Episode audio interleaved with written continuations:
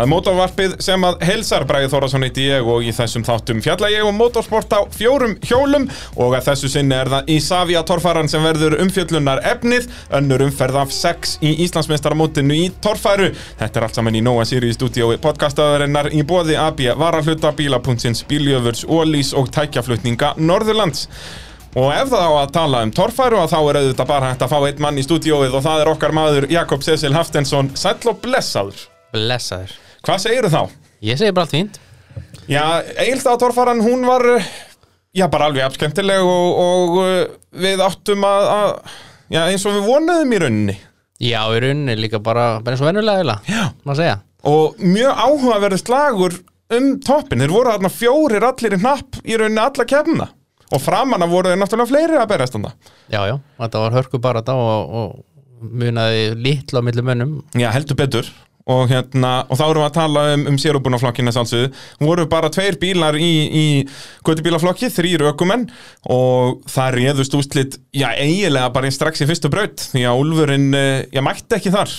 Nei, bílinn fór vist ekki í gangi á þeim þannig að, það steini fór einn sem fór í brautina. Já, og fekk held ég nána stressu stiga laust þannig já, fekk hann ekki 330 Jú, svoleiðis. það. Þannig að þá var hann komin hérna, já, með 330 stiga fórskot sem að hann svo bara jók jæmt á þetta, ég held að þegar að mest var eftir fjórðu braut var hann komið 460 stiga fórskot Já, en svo var hann nú að reyna að gera þetta spennandi í fymtu brautinni. Já, settist það eins og kviðin og, alveg eins og algjörauðli. En svona er þetta, það var kannski komin með það gott fórskot að hann svona kannski var kæri laus, við ekki? Já, það geti verið eitthvað svo leiðis Þetta var, eh, já það er, já orðið ansið langt síðan að við sáum mestar eins og Stengrim eh, gera svona mistök. Já, og, en svona hann já, hann er bara komið gott fórskot hann að spurning hvort hann bara ég held að þetta væri komið. Já, og þetta var svo sem alveg komið Hann þurfti bara að dúla sér í gegn. Hann hefði geta verið sko, tæm bara þrjár mínútur með tímabreytina og fengi bara 150 stig þar og það hefði verið nú.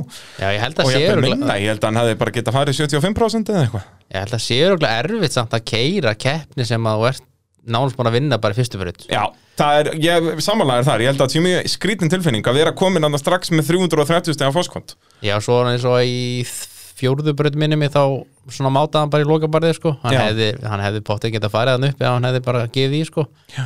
þannig ég held að sé örugglega erfitt að keira keppni þegar þú ert með gott fórskot og getur nánast leikið þér út keppnina sko.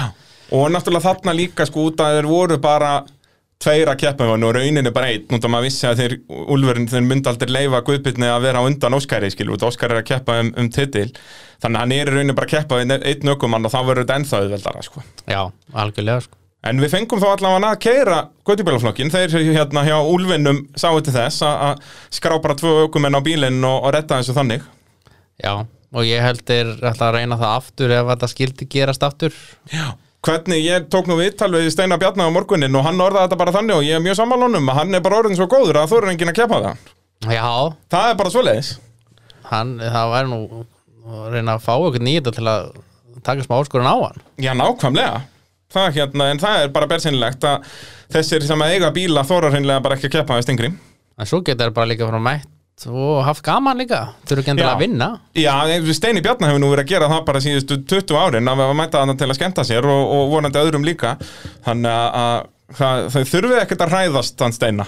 Nei, nei, hann getur alltaf gert mistök eins og hann gerði. Já, nákvæmlega, nákvæmlega. Og, og hann var nú ekki eini svona meistarinn sem, sem að gerði svona mistök meira um það hér á eftir. En eh, já, við ætlum að fara yfir þetta bara svona braut fyrir braut. Er það ekki sniðvasta leiðin í þessu öllu saman?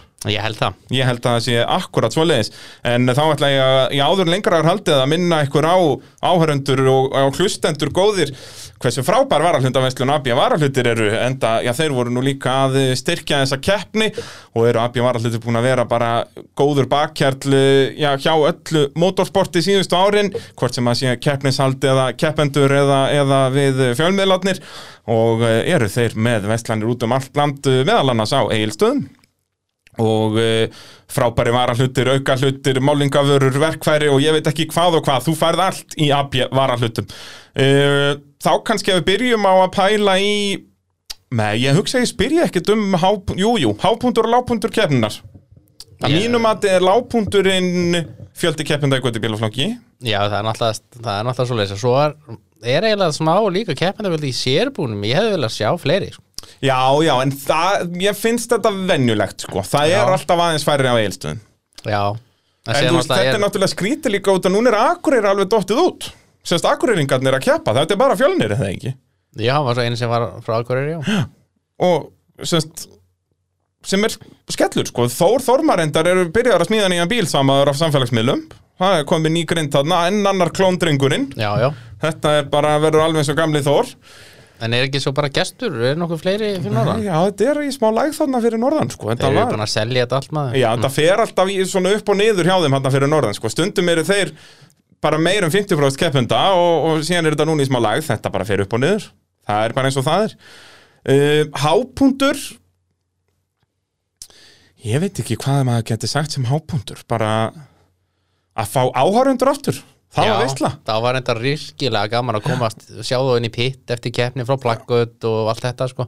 Ég nefnilega, sko, þú veist, ég var að segja þetta alltaf í útsendingunni bara út að maður, bara maður segir þetta. Svona, já, frábært þessu árandur aftur og eitthvað en, en í alvörunni, mér fannst þetta alveg geggju tilfinning. Já, líka bara, þú veist, ef það gerist eitthvað markvert í, eitthvað, þá heyrði maður allan einhver öskur í árundum Nákvæmlega, og, og, og lofaklapp og allt þetta. Það var algjörsnilt, ég held að það verði að vera hápuntur En þótt að þetta sé reynda bara eina það er bara ein keppni búin að vera án áhörenda hínar í fyrra voru með áhörendum en Já, þeir já. máttu reynda ekki að fara inn í pitt en það er bara eitthvað þetta var alltaf eitthvað svo frjálslegt og fínt að um helgina og Þetta var bara dásamlegt. Helvítis, skrætt, helvítis uh, hérna, COVID-skrattin búinn við fengum allavega sólina. Já, heyrðu, já, Þa, svo það er kannski smá ápóntu líka. Já, hú, þó að það var reyndar sko að var miklu betra viður daginn fyrir keppni. Já, En uh, þetta var samt dásamlegt. En að maður, vera hef, þarna ma úti. maður hefur svona vilja að fá smá gott rigningaský alla nóttina sko. Já, það, það er einhvern veginn aldrei þannig. Það er alltaf bara búið að vera þurrkur hann í mánuð. Þú veist, ég, eins og ég var að tala um einhverja heimamenn hann Þeir töluðu um það sko síðast þegar kom úrkoma þarna, þá var bara snjókoma. Það hefur ekkert ringt hann í bara mánuð eða eitthvað. Já, komin þetta rigningar bara eftir keppni bara þvílíka rigningin Heldur betur, þetta var bara eins og svona í Formule 1 Þá kemur alltaf rigning um leið og keppnið er búin. Já, Þannig að það, það var áhugavert. Uh, Eða þá að skella okkur í fyrstu braut í, í sérubunafloknum Við erum að þurfum svo sem ekkert mikið að tala um göttubílaflokkin meira Steini Bjarnar var þannig bara í algjörum sérflokki. Já, já, og bara við hvetjum bara fleiri til að mæti guttumlokki næst bara, eða ekki? Já, algjörlega. Og hérna Steini núna náttúrulega komin með uh, komin í solid stöðu í Íslandsmótinu. Þannig að þetta lítur, lítur mjög vel út fyrir hann. Við hrósum allan að þessi mættu steina úlfunum fyrir að mæta allan. Já, og náttúrulega þá sérstaklega Úlfinum Racing sem að er unni gerði þetta kleift að það væri hægt að keppa þarna. Já. Þannig að bara dásamlegt. Uh, Fyrsta braut. Fyrstur í hana var Guðmundur Eliasson á ótemjunni og þetta var svolítið svekkjandi fyrir þá sem fóru snemma í þessa braut út að þetta var svona byrjað á léttum hliðarhalla, svo vinstur beigja og upp og í þessari beigju, þú veist, þetta var mjög bratt og, og mjög laust en semst, eða voru þarna nokkru bína búin að spóla upp svona lausu moldinu og vera bara, þannig að þetta var bara fa- fast grjót þarna undir, að þá var þetta mun auðveldara. Já, þetta var svona fyrir fyrstu bíla var alltaf órúslega mikið rík til að byrja með og alltaf laus og að fari nánast fyrir, í svona hvað, þriðja, fjóraða, fjönda bíl eitthvað svoleiðis. þannig að þetta var alltaf það var gummi og var ekki ásið næstur held ég, eftir honum Jú, ég held það. Ásmund Ringjalds uh, var annar, þriðji kom svo Þórður Atli, fjórði var Aron Ingi og hann fer heldur ekki þarna upp. Uh, svo fymti var Skúli Kristjáns Já, og hann fer fyrstur þarna upp en var grófur á stikunum. Já hann tók uh, eina stikuna hann var ekki 40 eða 60 40 stíminu svolítið hana Já, nei, nú er ekkert 60 neitt, sko, nú er þetta bara 20, 40, 100. Já, já, já, það var hann að tekið hann á 40 Og, og svo og hann flög síðan bara upp maður Já, hann fær þarna 100 í mínu, sko, það ég held að hann fái síðan 20 í endarliði, ef ekki 50. Nei, sennilega bara 20. Og síðan var hann með önnur 20, svo 40 Já, Já, hann hann náði að sapna sér upp í 100 Já, allavega Þannig að það var, það var hansi dýrt 250 fyrir lengt En er fyrstu til að fara þarna upp Og þá svona Já, opnaðist þetta bara fyrir aðra. Siggi, jibbi, var næstur og flýgur þarna upp sömu leið En aftur með, með 100 í mínus. Voru svolítið grófir þarna í hliðarhallanum að þetta var ekkert Það trikki þessi hliðarhalli. Maður þurfti bara aðeins að vanda sig hann í gegn. Já Þetta, er, þetta var ekkert svo orðið löst þarna sko. Þannig þannig, það er bara spurning hvernig maður gerir þetta. Akkurat, akkurat. Uh, Sjöundi kom svo Fjölnir Guðmannsson Fyrsta brautin á nýju efunni Og það þurfti að fara strax í að bara styrtarprófa þetta veldibúr Já, já, hann uh, misti bílna aðeins aðan til vinstri og tók nokkra ringi niður. Já, hérna fer alveg tvær rúllur niður og sérst alveg engin hraði og bara rólegt sko en, en hérna eins og segir, missir aðeins stjórnina og þetta er náttúrulega sem er svo trikki við þessa bíla. Ef þú ert að standa þá alveg í botni þá getur þú mist á ég bara mist stjórnina. Já, líka brekkunar er alltaf þannig að það getur verið grip, svo allt í nekkert grip og grip að, og líka svona stórgrýtt og svona eins og segir þetta hossast yfir eitthvað steina og allt í hennu fer bílinn bara eitthvað. Og hérna, og svo stendur hann bara á bremsuna þegar hann komin upp á kantinn og þá veltur hann niður sem er þú veist, ég er á því að þetta er alltaf betri leiðin. Ef þú veist að þú ert að koma þér í eitthvað óefni startu bara á bremsuna og lefðu bílum að rúlla út að í flest öllum tilfellum sem við sjáum ökum en vera að reyna að bjarga sér eitthvað þá enda þér á að skemma bílinn meira. Já, líka sérstaklega svona velta er alltaf lægi þannig séð. Já. En leiðu er fara að fara í handarhlaup og svona Ef hann hefði gefið inn kannski þá hann hefði bara farið í einhver handarhlaup, veit það Já. ekki Það er alltaf vestu veltinnar Já, eins og bara Aron Ingi lendi í þarna var ekki þriðjubröndinni Já, þú veist um leið þú ert farin að lenda sagt með, eins og þú segir, handarhlaup dekk og dekk og dekk og dekk þá er þetta orðið vesen, en þarna bara þú ert í bara 45 gráðum og bara rullar smekla hliðar Já. saman hliðar niður. Já, þetta fyrir bara veltibúri fyrir alltaf bara sama, sama högg í runni. Já. sem er runni, hvað það er sterkast held ég. Já, og hérna þannig að þetta var ekkert vesen eina hann uh, bara affelgaði í síðasta fór hérna loft úr báðum dekkjónum en uh, allt í góðu og bílinn nýja Eva uh, lukkar vel. Já, hann var, hann var gaman að sjá hann keppa í þessu helgi, hann var ákveðin líka og Já, ég er nefnilega sáttum með það, fjölnir mætti þarna bara, ég einhvern veginn gerir ráð fyrir að hann myndi svolítið aftur fara á byrjunareit bara eins og hann væri í sinni fyrstu keppni, með um náttúrulega ekki gleyma því að fjölnir er bara eiginlega ennþá alveg nýlið, ég held að þetta hafi verið fymta keppnin hans eða eitthvað eða minna jafnvel, út að hann hefur eiginlega bara alltaf keppt fyrir norðan, Já, svona keppti jú tók eina hellukeppni og eitthvað svo leiðis en, en hann er ekki reynslu mikill, sko. Þó að hann keppti vissulega fyrst, var þetta ekki 2017 eða Já. ekki sem hann kom fyrst? En hérna tók hann fræga baklöpið á Já, Akureyri maður. nákvæmlega, Ég- hann er duglegur í þessu, í sínum fyrstu brautum að koma inn með hasar Já, Hann að, að ég var virkilega sáttum með fjölnir og hann náttúrulega endar þarna nokkuð ofanlega yfir, yfir heldina þannig að, bara velkert í honum og voru gaman að fylgjast með honum í, í sömar á, á nýja bílum Þetta er sérst bílinn sem Hilmar Bræði Þráinsson smíðaði. Alltaf að fara að keppa á en, en selur hann svo svona hálf tilbúin í rauninu og þeir setja sömu gömlu byggblákvélina úr gömlu efi í þennan. Það er svona eina sem mér finnst ekki flott útlitslega á honum hvað bara hálf vélnir er, er upp úr húddinu. Já. En hann, hann er alltaf samt uh, ja, langt á með hjóla og gamle bildin heyrði ég Ok, ok En, þingda dreifingin er held ég mismunandi þannig að hann sagðist alltaf að fíla mun meira að kera þennan bíl heldur en Já, gamla ég sko. myndi halda það og náttúrulega mikið lægri þingdapunkturinn líka, ég held að það sé aðar málið Já. hvað hann er svona mikið stöðugri og örugar að hann þar að leiðandi sko. Mhm. Þannig að, að ég held að fjölnir eigi bara eftir að vera betri Hérna næstur í brautina kom svo Haukur Viðar Einarsson hann náttúrulega komið nýjan mótor í hekluna eitthvað kvartmýlumótor frá Ingo Batman í, í kvartmýlunni uh, á að vera þarna einhver rúm þúsund testöfl en það var nú ekki þetta var nú ekki alveg að virka hjá honum síndismanni Nei, fyrsta breytin var reyndar hann fór þetta bara eins og að gera löguvegin Já, mjög, sko. hann flög hann upp bara og var bara mínus 40 þannig að þetta er hann komin í fyrsta sendið Já, þetta var, var, fór mjög létt með þetta. Hann hafði lítið fyrir, svo það var ekki mikið kraft eða ekki mikið læti í honum sko. hann fór bara auðvitað upp sko. Akkurat, akkurat Og hérna, leit vel út. Ég talaði aðeins við hann hann eftir keppni og, og hann talaði um að þetta væri frekar konverter eða eitthvað svoleiðis. Þetta væri ekki svo satt Vélinn virkar alveg svona á að gera en það var bara vesen að vera í rétta powerbandinu í rauninni og þá þarf að skipta um konverter til að fara að virka eins betur og, og hérna það mun bara græja það fyrir blöndós og verður gaman að fylgjast með honum þar og hérna og skiljanlegt að sé alltaf einhver smá svona vandræði með þegar verða betrum bæta og breyta. Já, já, En þarna var hann sérst, já, komið 310 stig og þar með upp í fyrsta sendið. Uh, Jóhann Gunnlaugsson var næstur í brautina á Thunderbolt og hann bara eldi. 350 mínus 40. já, hann fór líka alltaf hægra með hann var skemmtilega gert hjá hann hann Já, fer alltaf- bara akkurat í miðjun á hliðinu. Bara, þeir voru allir að fara aðeins vinstra megin hann og, og snerta stikuna þá þar. En, en Jóhann bara, mér finnst hann, þrós, hann var þróskast svakalega mikið sem ökumæður núna. Það var einhvern veginn alltaf þegar ég sá hann í braut núna þá einhvern veginn Í fyrra var maður alltaf að býða eftir einhverjum klaufamistökum, sko, núna er hann einhvern veginn bara komin með þetta.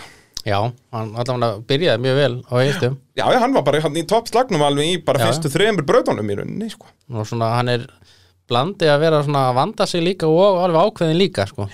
Akkurat. þannig hann er allavega búin að bæta sér helling Ég held það, hann verður skeinu hættur í, í framtíðinu og það var einmitt það sem við vorum að vonast eftir líka í nákvæmlega sumar og hann er alveg með bílinn og, og virðist vera að koma með taktana eins og, og hérna ég spái því að hann muni ná í byggar í ár.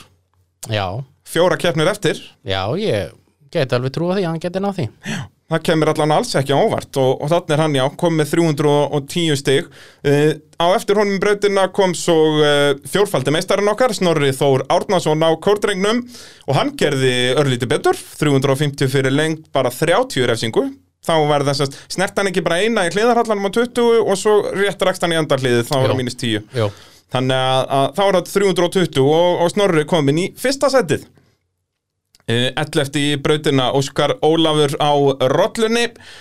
Hann komst ekki þarna upp. Svona, eh, hann munaði litlu hann, já. hann, hann misti hann aðeins upp á afturhólinn og þurfti eiginlega bara að að gefa eftir og, og lefu svo fara niður hann sem bara að fara aftur fyrir sig ég sko. held það nefnilega, hann þurfti að slá af bara annars að hann farið aftur fyrir sig. Já, eða þá, já, eða hliðina hann hefði örgulega oltið þá allavega Og hérna, þannig að hann fær hann bara 250 fyrir lengt og líka 80 refsingu var náttúrulega svolítið grófur á stikunum hann. En hann er náttúrulega nýliði líka, þetta var bara, var þetta í kannski þriðja keppni? Jú, hann Minnið það. keft, já Hefur hann ekki keppt tvær á, á rollunu? Mér minnið það. Hann keft allavega Akureyri eina, fyrra var það ekki bara eina kemni Gæti verið að það var bara einn hann var skráður náttúrulega eigirstæði fyrra en hann mætti ekki sko. Já, já, það gæti verið. Að hann, hérna, þetta hafi verið hans uh, önnur keppni. En hann er allavega að, veist, að fara í endahliði hann er, hann allavega að tók út um takin einhverja stikur þá var hann bara að reyna að komast í endahliðin og þetta var velkert hjá honum. Já, ég er nefnilega, eins og ég hef margótt sagt hérna, ég vil sjá nýlega að gera nákvæmlega þetta frekar að reyna að keira bara eins langt og mögulega hægt er sko. síðan kemur það með reynslunni að fara að vanda sig meira á stökunum Já, og hérna, og Óskar gerði það bara ágætlega þannig í fyrstu brautinni. Uh, Tólti í rásfyrðu þarna er svo Helgi Sveitn Heimisson á tímur og hann sömulegis komst ekki þarna upp. Náttúrulega er ekki alveg hæfur bíl nei, hann, er- hann er alltaf bara einhvern veginn á eigirstöðum og svo bara er hver vill keppa á tímörnum núna Já, hvernig er þetta? Veistu hver á hennan bíl? Eða er, Ég- þetta, er þetta Helgi sem á hann? Ég held að Krismundur Dagsson eigin ennþá hann Já, að ég ok. viti það sko Nei. en hann hefur samt ekki keft núna í tvö ár held ég hann kefti hann ekki bara síðast Keft hann á hann í nes Já, ég held það Það geti verið sko, ég bara, ég hreinlega það geti ekki En þetta er svona bara þarna En Helgi Sveitin alltaf kefti í fyrra á eigirstöðum Já, já. kannski hann sé búin þá breytunum bara örlítið svo hann sé aðeins meira kefni, samkefnisæfur það þarf að breyta stýrinu, það er alltaf sérst, bæði að hann leggji meira á og náttúrulega, veist, þetta er svo margir ringir borð í borð, þetta er ennþá Já, bara eins og hérna, þeir voru hérna bara árið 92 sko, og hérna svo henda nú auðvitað ekki myndir að það kannski skiptir ekki alveg öllu máli. Nei. og kannski fá örlítið meira afl, þó hann sé nú alveg sprækur, finnst manni. Já, það er einhvern veginn samt, sko, það er er er bara svoleiðis. Og hann, og hann náttúrulega var með mestu tilþrifin hann líka og þetta var Já, bara já. geggja Já, þetta er, þetta er uh, skemmtilegur bíl þótt að hann er, hann er öðruvísi. Já, mér finnst hann ógæðslega cool Hann er, hann er Hann má, ekki, sko. hann má ekki hætta og alls ekki breyta útlitun á hann Nei. Þetta er bara, ég elska að fá svona classic bíl. Ég talaði eins um þetta í útsendingunni að þá hérna, þú veist, þetta er unni bara þessi og gestur. Það eru einu svona classic bílarnir sem eru eftir þengi og Gísli náttúrulega, hann mætir eitthvað meir Gísli. Gunnar Jónsson En annars er þetta allt komið í svona eitthvað nýmóðins. Já, Þú veist, náttúrulega Jippi er ennþá svona mjór en hann er komið með svona nýmóðins framenda og, og, allt þetta, þannig að hann er ekki svona í þessu klassiklúki ennþá. Þannig að- bara alls ekki breyta þessu, þetta er dásamlegt. Já, og bara líka skemmtilegt þegar kannski fleiri sem að alltaf fá fleiri og fleiri til að kera hann sko. Já, nákvæmlega Hann, reyndar, að- hann, reyndar, hann misti ekki dekk núna. Nei, hann náði sko þarna í við tölum nú um það á eftir í fimmtubreytinu þegar hann flög þar að þá sko lendir hann svo mikið á afturöndanum hann var komin sko yfir 90 gráðunar þannig að hann náði ekki að lenda á dekkinu. Annars hefði það 100% dottið undan.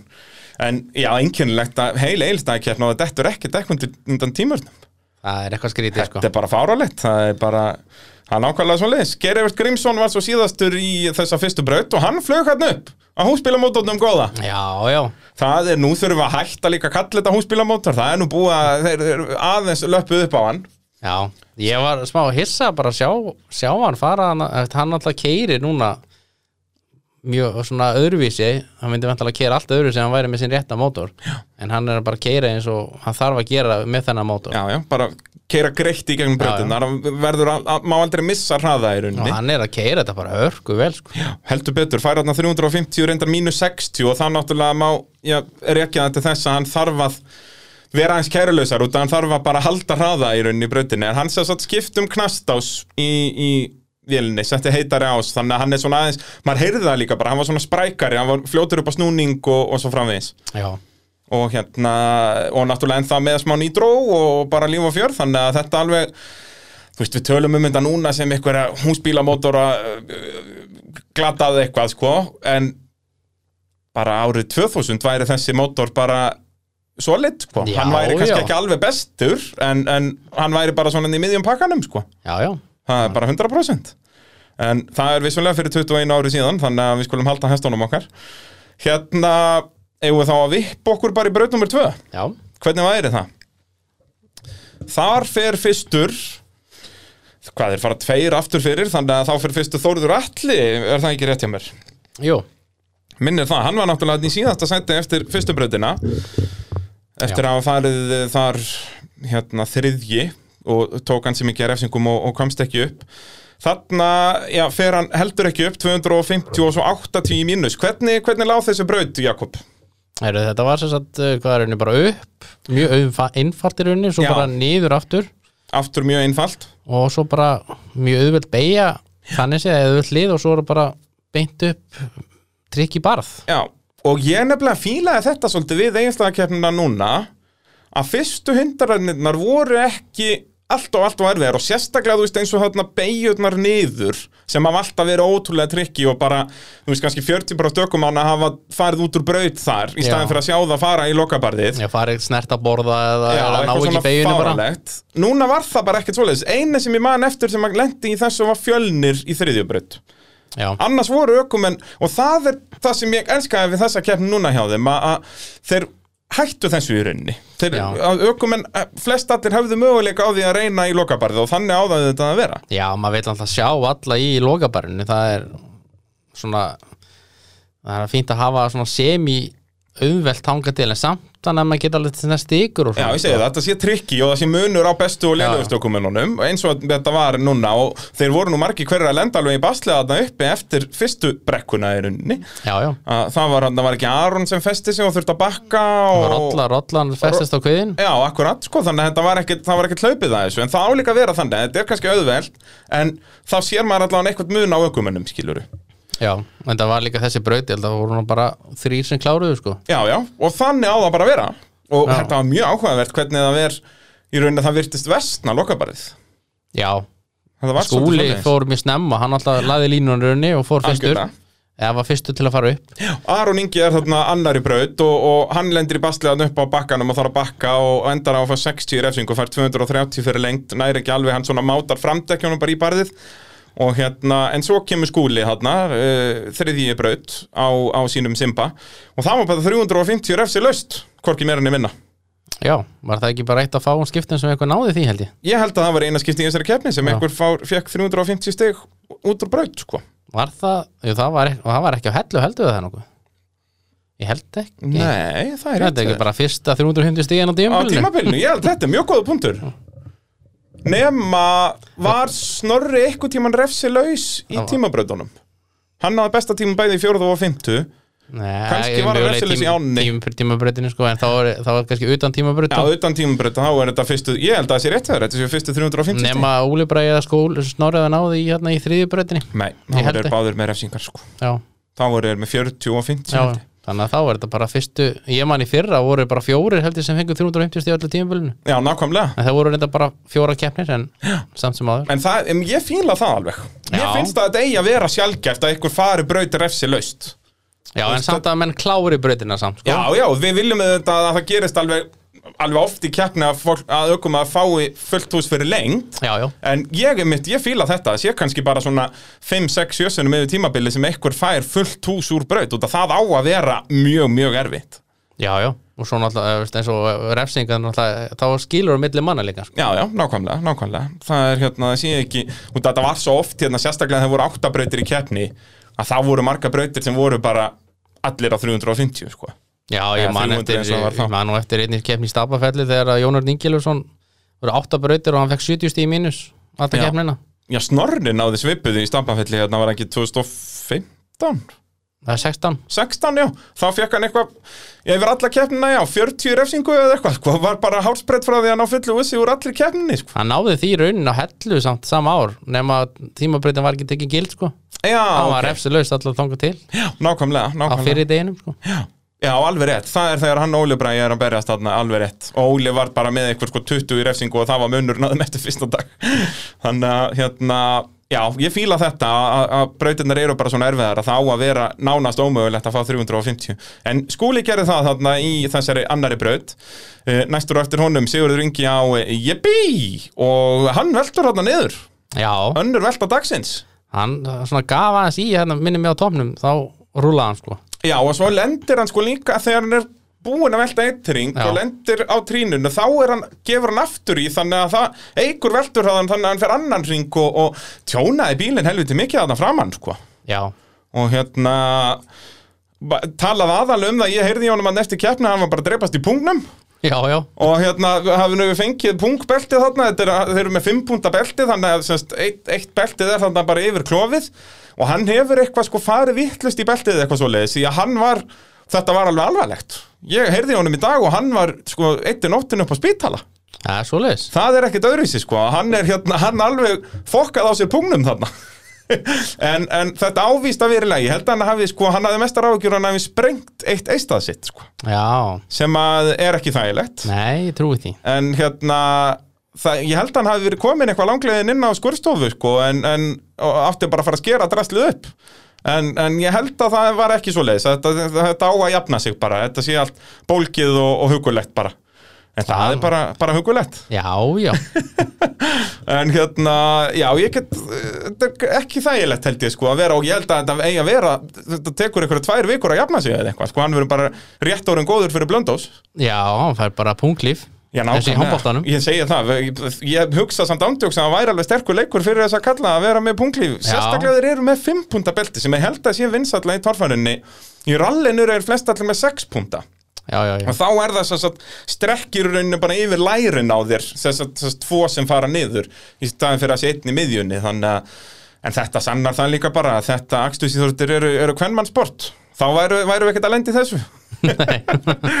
Eina vitið en hérna Siggi samt bara grjótarður og hann let uh, þetta ekkert á sig að fá að kláraði keppnina en, en hann tjónaðist bílinn hjá honum helviti mikið hann allur frammendin fór í, í klessu. Já, ég var með GoPro í bílnum sko Þannig ég kíkti aðeins á eftir veltina Þá voru ég með á- alveg á fullu eftir bílinn að gera við sko. Já. Þannig að hann hefur Þeir rétt náðu náttúrulega næstu brautleika Já, já, og sem sagt, þeir enduð á að skera bara allan frammendan af honum í rauninu, þetta er svona, það kemur þarna eitthvað játnavirki, þetta er svaka hipp og kúl, sko, og það bognaði svo mikið inn að það var farið utan í demparana og hvaðina, sko, þannig að þeir enduð að þurfa bara að taka slípirokkin á það, en náða mæti næstu braut, bara með nokkrar sekundur to spare í rauninni, þeir voru bara að keira út úr pitnum þegar að mínútan var að klárast, þannig að bara magna servislið hjá þeim þarna í Yippee! og þeir voru náttúrulega saman í liði líka Singi og Geirivert voru hann að hlið við hlið þannig að þannig erum við með landslið uh, servismanna, það er bara svo liðis Já, og svo var bomban að það líka.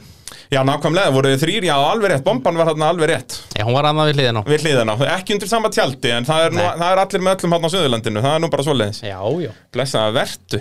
Uh, Á eftir Sigga í brautina kom uh, svo fjölnir Það er þess að rásröðin breytist aldrei neitt yfir daginn, það er alltaf bara tveir fremstu fara aftast milli brauta En fjölnir fór hann ekki aftur fyrir eða hvernig var Jú, með minni það. Þa, og það munaði bara sko, 20-30 sekundum eða eitthvað, hann var örlítið og setn í bröðina bara. Ég myndi samt að hann hafi verið komin í rásliðið Já, en þá var mínútan liðin, sko. Já, já, já, já Hann kemur eins og ég segja, þetta var bara 30-40 sekundur sem að leið, sko. Já, ég sé að að hann fæði bara 115 stig sem að hann átti semst þá að fá hann 230, en það ekki? Jú. Jú. Að hann gerði þetta vel, hann tók, fekk engar refsingar, en mátaði svo bara í barðið út að þarna var, sá hann kannski bara, heyrði já, eftir að Siggi fór aftur fyrir sig, tökum því rólega Og svo voru alltaf tveir búin að velta þarna líka Nákvæmlega, sko. Þannig að hérna Hann, hann eh, tekur enga sensan þarna og, og mátar bara en, en fær þá bara 115 út að hann semst, fær bara helming stiga út að hann fyrir aftur fyrir og eins og ég segi svekkjandi fyrir hann að þurfa að fara aftur fyrir út að það munaði bara nokkrum sekundum og voru að klára að gera bílinn eftir veltuna sko. Þetta hefði haft áhrif á úslitin í rauninni. Algjörlega, hann hafði endað þá 50 en ekki 70 út hann var 50 fyrir tímabrautina en missir sætið þar þannig að, svekkjandi fyrir fjölnið þarna en eins og við tölum á þann, þetta lofar góðu þessi nýju bíl og, fjölnir að mæta grummur til lengs uh, Næstur í braut kom svo Haukur Viðar Einarsson og hann fer þarna upp. Sannaði að þetta barð var ekki orðið ókleift Já, hann fekk 350, ég nefnilega sá á vídjónu mínu, þá fer allt í rík en ég var ekki viss hvort hann náði hliðinu Já, ekki sko. af, ég var nefnilega sammála, ég var ekki viss um hvort hann komst í gegnum hliðið en þeir greinlega tólkaða þannig. 350 fyrir lengt en mínus 70 ég held að hann hafi fengið þá alveg sko 50 í mínus á endarhliðinu Já, hann hefur bara- að vera 100 Hann hefur bara rest nertað vandala Já, bara utanfrá, allur bílun er eiginlega út fyrir.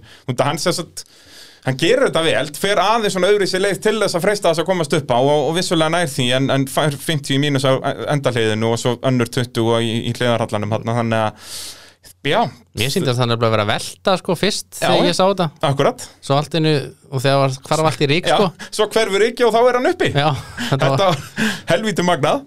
Og hérna, já, bara frábær árangur honum, þannig að þannig er hann komin eh, já, bara í toppslægin er þannig að núna bara tíu stegum á eftir uh, Simba, Já, þetta hann náttúrulega var á undan skúla en skúli þannig frábærum 350 stegum úr þessari braut. Uh, Næstur í brautina kom svo Jóhann. Uh, hann fer ekki það upp. Nei. 240 mínus 20, velti hann, ég manna ekki. Hann velti niður í alveg Hann tók þetta svaka stökk upp maður og svo lendir hann illa, Já. lendir leiðilega þannig að hann fer veltu strax. Akkurat, veltu, hann lendir strax á svona Hann hliðina lendir, lendir svona á hlið sko. Alveg rétt, og, og þá var engin leið að bjarga því þannig að hann rúlar hann aðeins niður og, og allt í góðu með það. Uh, Svo er það Snorri Þór þar á eftir og hann fer heldur ekki aðn upp. Nei, 250 refsi laust og hérna þá var uh, svolítið já, búið að opna slægan hann um fyrsta seti því að náttúrulega þarna er, er skúli að græða 100 stig á, á Snorra. Já, Snorri grætti þarna í fyrrubrautinu grætti hann hvað 70 á skúla þannig að núna var, var skúla orðin 30 stigum á undan. Sem er eh, já, bara magnað og, og hérna, þarna var svona farið að skýrast betur hverjir væru þarna í toppslagnum. Uh, ég held nú samt að Snorri myndi nú fara hann upp sko. Já, ég, þetta komir óvart.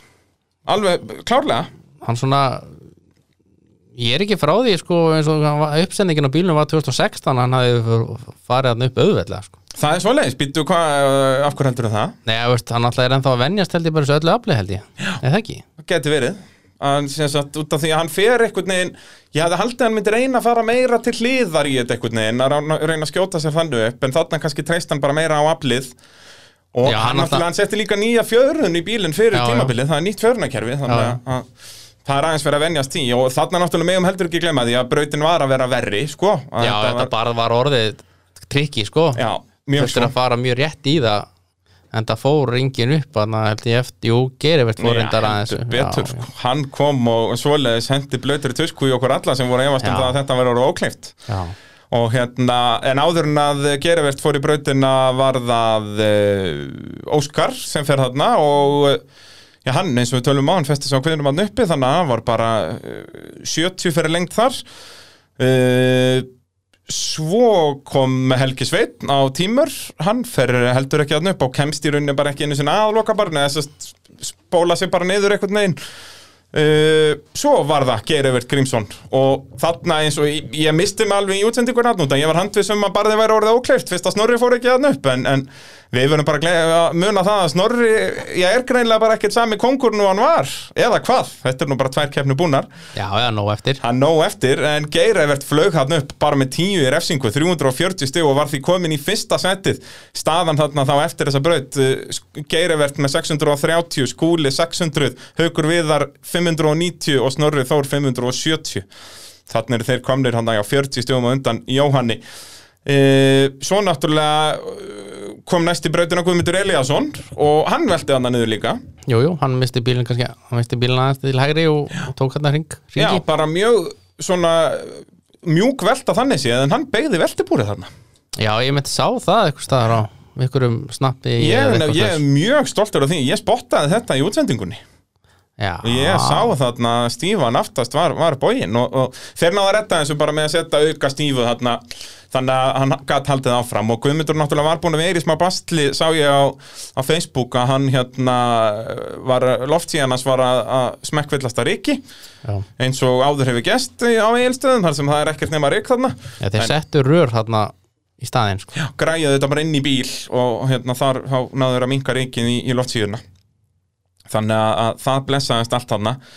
Uh, svo var það ekki Ási sem var síðastur braut minnir það. Jú, Ási var síðast að fjölni fór aftur fyrir en Ási var svona Já, síðastur. auðvitað. Og, og hérna, og hann fær 240 hann, hann, hérna, hann veldi ekki eða það? Nei, nei, hann, hann svona ekki beitt máta en hann var reyndi, hann fór kannski bara vantar aðeins meiri hraða. Já, í rauninni. Það er svolítið svoleiðis bara hérna, þannig að þarna já var svona var þetta orðið aðeins augljósara hvernig slagurinn yrðum fyrsta sætið? Jóhann vissulega var ennþá alveg í þessum slag, ég meina Jóhann er þarna í fymta sæti, er með sko 60 stegar fórskota og Sigurð Inga fyrir aftan sig, en er bara þarna 40 stegum á eftir snorra, þannig að hann var svona þarna inn á milli og, og Já, bara 100 stegum frá fyrsta. Ég segi það, hann átti alveg möguleika að fara upp í annars lag fer eftir hvernig þriðjabrautin fór og áðurinn fyrir að tala um þriðjabrautina ætla ég nú að minna ykkur á hvað bílapunkturinn er dásamlegt fyrirtæki. Og er uh, duglegir alveg og Abbi var að styrkja íslenskt motorsport, það er okkar maður Valdemar Jón Svensson sem er uh, þar að gera gott mót, bæði í bílamálum réttingum, framrúðuskiptum og öllum almennum bílaviðgerðum. Og e, þeir vinna fyrir all tryggingafélag eins og þið vitið e, hlustendur góðir. Þannig ef að þið lendið í einhverju tjóni að um að gera á samband við bílapunktin því að við viljum vestla við fyrirtæki sem að styrkja Íslands motorsport, það er bara svo leiðis e, þá er að stærsta krassið að stærsta tjónið í þessari keppni. Mér langar að segja að það sé bara klofið á honum sigurði. Já, í rauninni sko. Það er dýrmætasta djásnið sem að fóra hans í illa hodna það tjónaðist allavega aðeins. Það tjónaðist bara í rauninni bíl og aukumæður Já, það er svolítið svoleiðis, sko. Ég held þó að Valdi geti lítið hjálpa honum með það, að, hvort hann geti kíkt upp á bílampút með þetta. Ég ætla að leifa mér efast um það. En hérna, en svona bara stærsta krassið, eða sem sagt, Er það ekki bara veldan hjá Þóruði í tímabörinni? ég var að fara að giska á það, sko. Já, svona hún var Hún var svona mest spektakular, hún var náttúrulega helgi í fymtu, hérna, en út af því stu tímabrautum er þetta alltaf meira skeri, sko. Og þá er þetta hérna, hann var nála því að fara bara út í, út í fljót sko. Út í lagafljótið, sko. Hann vildi bara gera eins og fyrir megandi þarna. Já, já, Það er svolítið svoleiðis, ég kommentaði mynd undir hjá vídjóið hjá þeir að, að thumbnail myndin svona á YouTube, hún breyttist lítið mitt lára nema bílum var bara gullitaður núna. Já, og annar aukumæður og annar aukumæður en, sama flugið þarna eftir, eftir sjöttu brautina, þannig að jú, það, er, það verður eiginlega að vera svoleiðis. Þeir, þeir fá að deila svo millir sín. Jippi og, og, og spaðinn. Þeir fá bílapuntsvelunina þessu sinni í mótorvarpinu Þeir eru kannski að reyna að fá að valda til að taka þátt í torfærakefni líka eða? Já, það er náttúrulega eina vitið, sko, þetta gengur ekki lengur Hann á, hann á öll, öll tækin, sko, við tinni vorum hér að skora á hann að fara að keppa í drifti Þeir eru að taka Jú, já. skora á hana í eitthvað torfærakefni Þetta, þetta fara, fara að vera ansi lítill tími sko, hann var að eignast uh, badn Já, og, já. og svona, en ég meina það En hefur ykkur, ég fór að pæli, hefur ykkur keppandi keft í torfæru rally, rallygrus og drift á einu sísunni? Ás, heyrði ég ætla að leifa mér að fullir það það hef aldrei gæst Nei, að það er ekki að heilt sísun, bara Nei, ein ég segi það keppni. bara ein keppni á ári. Bara hann getur tekið sko Hann á torfæru bíl, hann á driftbíl, hann á rallybíl og hann er hann á búinn að keppa í ralli, það er tikk á það. Þannig að hann þarf ekkert að velta sem er upp úr því. Já, bara já. að láta batta fara með strákin þeir voru að standa sig vel síðast. Já, já, og hérna svo þurfti hann að keppa í rallycrossi fá bara einhvern uh, bíl í það, það er fá, fá lánað hjá sininum og keppa bara í þúsundflokki á honum eða eitthvað. Já, já. Svo á hann torfæri bíl svo á hann driftbíl Hann gæti, gæti náð þessu, sko. Heldur betur. Og ég hef síðan geta hann mætt bara á bara sett alvöru slikka undir súbruna eða eitthvað til farið inn að kvartmílukefni líka. Já, sett uh, og og, og samt samtspinni, Já, hann getur topp. gert þetta allt. Já, já, bara ein, heyrðu, Valdi, ég veit þú ert að hlusta. Reynda að plana þetta þannig að þú getur náð þannig að sex tegundum axtisjúr þetta bara, og bara ein keppni í hverju, ég er ekki að byggja um mikið ekki að byggja um mikið. Heyrðu, út af þarna getur hann svo sannarlega að skrifa sig í sögubækundan ja, þetta er þetta að vera mjög áhugvært að fá að keppa í nánast öllum greinum Já. dagsumtýrðu þetta á einu sumri. Þá sko þyrt hann hann myndi kannski ekki vinna sko axtíðrútamaður ásins og hann myndi náttúrulega ekki vinna hennar titlaðin eitt svo leiðis en þá þyrfti eiginlega að búa til svona sér byggar fyrir hann og veit honum á, í, á lokaðu við Akis bara svona svo, einhverju er- heiðusvelu já, svo væri hann ekkert bara að keppa svo var hann örugglega búin að laga helmingin öllu Já, bílunum það líka er náttúrulega á að löngu vera búið að gefa honum einhver heiðusvelun því að Já, þú já. veist rallycrossið í dag það væri svona kannski 15 bílar að keppa ef ekki væri fyrir Valdemir Jón Svensson það er bara nákvæmlega svo leiðis algjörlega. Þannig að- þetta er gull að manni og endilega vestlífi bílapunktin ef að þið lendið í einhverju tjóni á, á, á bílnum uh, hlustendur góðir. En uh, þá er það þriðja brautin í, í Savia torfærunni á Egilstöðum önnurum fyrir Íslandsmeistaramótsins. Og uh, þar fór fyrstur væntanlega hvað sem er 50, já það var skúli. Skúli Kristjáns. Já, já, Og þarna, og það var líka að gera þetta ennþá mér áhugavert. Hva- Hvað er voru allir, þessir fjórir sem voru að berast á topnum Voru allir á svona mismunandi stöðum í rásröðinni? Já, það gerði þetta þetta skemmtilegt. Já, og þarna eins og já, skúli fer fyrstur þarna. Út að hann var búinn að vera svona á nokkuð heppilegum staði í fyrstu tveimur út af því að, þú veist, hann er þarna 50 í fyrstu brautina og það var búinn að spóla mikið af, af lausa í burtu en hann er vissulega fyrstur til að fara þar upp. Svo í annari brautinni virtist barðið vestna þannig að það var betra fyrir hann að fara þarna hvað, fóru nú með þrjú þar Þannig að hann var búinn að vera heppinn með ásröð og, og þá var komið tími til að hann færi fyrstur í braut uh, og, og til, að, til að minka Já, minka líkurnar, það er oft talað um að sé vest að fara fyrstur En uh, já, hann flýgur hann upp. Ég heldur bara í þessu tilveiki það hefur bara verið betra að fara fyrstur sko. Það geti verið, sveimir þá. Þetta að það fór engin annar upp. 350, farið vissulega 100 í mínus. Þetta var trikki, sko, þetta var stuttbraut Svona með við hinnar. Aðeins upp hann að hægra megin Svo kröpp vinstri begja í rauninni upp á hálsinnum þarna Það farið gegnum tvö hlið þar sem margir voru einmitt að pikka upp að, sko, 20 og 40 eða jafnvel 40 og 40 í mínus. Og hérna, og svo var það hægri beigja á upp og, og það er rétt hjá Jakob að það fór engin annar hann upp. Og fekk hann ekki til þræfölun fyrir þessa braut. Jú, hann fer nefnilega á hann fer á hlið og svo aftur tilbaka einhvern veginn. Já, akkurat, hann lendir svona á tveimur. Ég náði því, ég er náttúrulega hvar allt í ríki eins og margt annað jú, jú. En ég, maður næri hún á hlið sko. Já.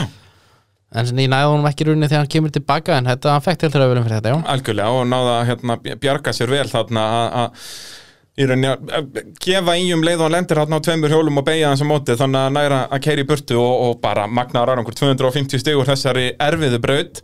Uh, næstur á eftir honum kemur svo Sigurður Ingi á jippi og uh, hann kemst nú ekki neila bara ekki að lokabarðin neila og jú, jú, hann, hann fór í loka barið sko. Fer hann í já. en hann, hann velti ekki eða? Nei, hann fór ég er að samt reyna að muna þetta. hann fór nú samt að ég er ekkert beint á hann fór svona hlið eiginlega en Já, hann svona- velti ekkert samt sko. Nei, hann fær bara 220 fyrir lengt sýnist mér. Já, En 80 mínus, það voru þessi trikki hlið þarna upp á bakkanum hægra megin sem að voru, voru erfið fyrir uh, ökumenn.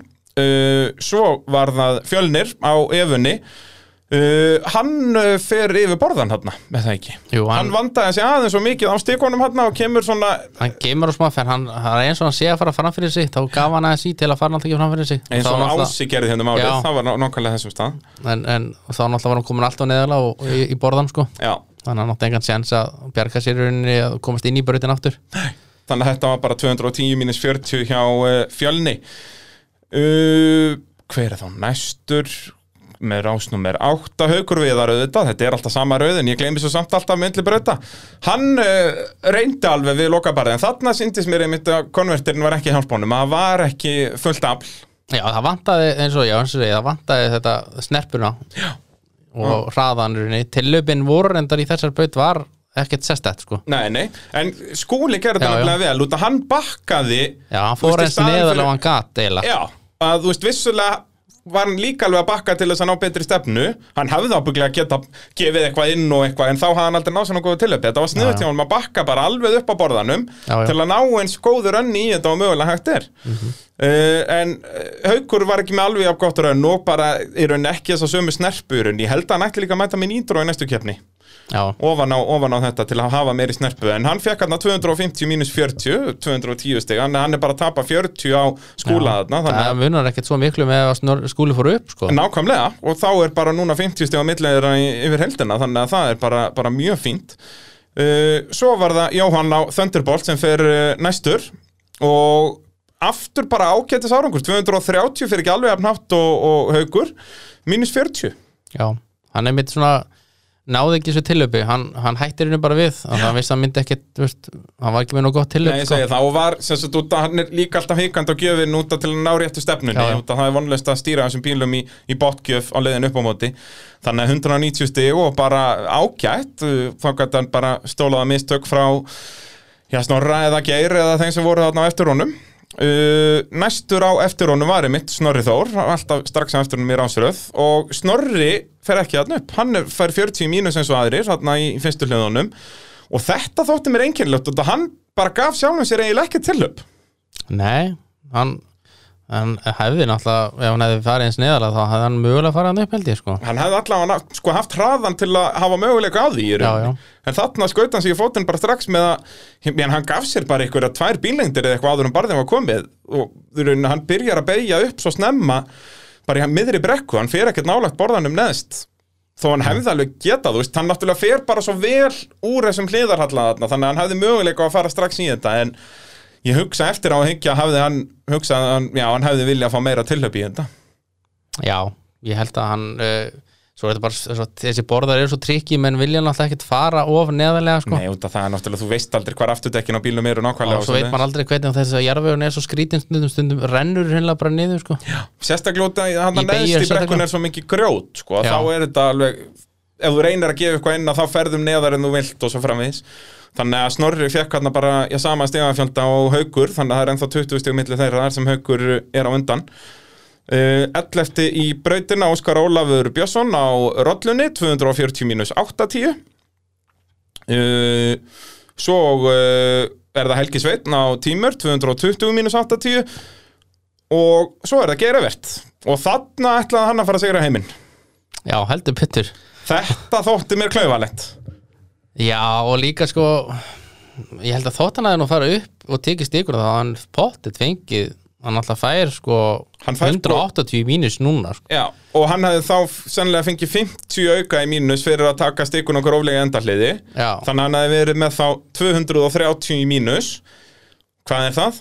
350 mínus 230 120 stig. Já, sem er ekki neitt sko, Nei, nei. það er bara Það þá betra. frekar bara mátaði bara, veist, ég veit alveg af hverju hann gerði þetta af hann vissi að hann hefði ekki afli til að komast þarna upp. Já, já. Og þá gera hann þetta og við útskýrum fyrir fólki hvað hann gerði að þá sem sagt sleppur hann því að fara niður og aftur upp. Það hann ætlaði bara að keira með fram kantinum. Við sáum þetta á blönd og síðan á 2019 líka þá gera hann svipað sko Ég er samt alveg sniðut samt að hann sé að hugsa öðruvísi sko. Algjörlega og ég veit alveg eins og segi ástæð fyrir hann gerði þetta er vegna þess að hann vissi að hann hefði ekki veist, það var ómögulegt fyrir hann að komast þarna upp og þá fer hausina strax bara að hugsa, ok, ég ætla að finna aðra leiðir til að komast þarna upp. Því að leikurinn er vissulega gerður út af það að þú átt að komast þarna leið. Já, já, og hérna, þannig að hugmyndin svona konseptið að þessu, ég skil það alveg af hverju hann gerði þetta, en náttúrulega eftir á að hyggja er, já það er alltaf dásamlegt að vera gáðar eftir á, en, en já það er alveg svart og hvíti ef hann hafði bara gert það sama og haukur vegar á snorri, bara mátað barðið út, hann hafði hvað sem er ekki aflið til að komast þarna upp, en verið þarna 250 minus 40 já, ef hann líka bara hefði reynt að ná því bara refsilaust bara einbjöld sér rosalega að sleppa því þessum hliðum og bara raunni bara máta í barðið akkurat, þá hann spara sér jafnvel 40 stík sko. já. En bara segjum að hann já. verið það sama og, og haukur vegar á snorri að þá hafði Geirivert unnið þessa keppni Það er ekkert flóknar en það. Geirivert, sko, í þessari braut fær hann bara 50 stig. 230 mínus 180 sem þýtti þá líka að Jóhann var komin upp fyrir hann. Þannig Geirivert Já. dottinir í 5. sendi Já, já, já. Þannig að, Og eru alveg 40 stígum eftir honum sko. já. Og, og þannig Geirivert orðin eh, 170 eftir fyrsta setinu. En, en eins og ég segi, bara þarna fá 210 stig út úr þessari braut að þá hefði hann staðið uppi sem Sigur Vegari Þetta er fljótt að breytast í Þetta er þessu fljótt að breytast að bara ein braut að, að, það, það ræður úrslitum í þessu. Uh, Næstur á eftir honum kom svo Guðmundur Eliasson 230 mínus 60 uh, Svo var það Ásmundur uh, 220 mínus 60 Aftur já bara svona Hvað, þeir reyndu svona valla í þetta. Manstu hvernig þeir fóru í þetta? Já, Ási fór heila bara ó- óvarlega líka. Já, og bara eins og að vantaði ég veit ekki hvað það var með Ási var einhvern veginn ekki samfærandi þessa helgina, fannst mér Nei, maður er, þú veist, ég er náttúrulega ósangjarn við hann bara út af því að hann hefur sannað sig, skilur, þá set ég meiri, meiri pressu á hann. maður veit alveg að hann getur gert miklu betur en þetta Ég segi það, sko, að um leið og þeir, þessir aukum er nastnast til að standa sig vel, að þá eru þeir að setja alltaf mikla pressu á sig, sko. Já, en hérna, þannig að ég leiðilegt að hafa hann ekki í toppslagnum eins og hann var í fyrra alveg reglulega í rauninni.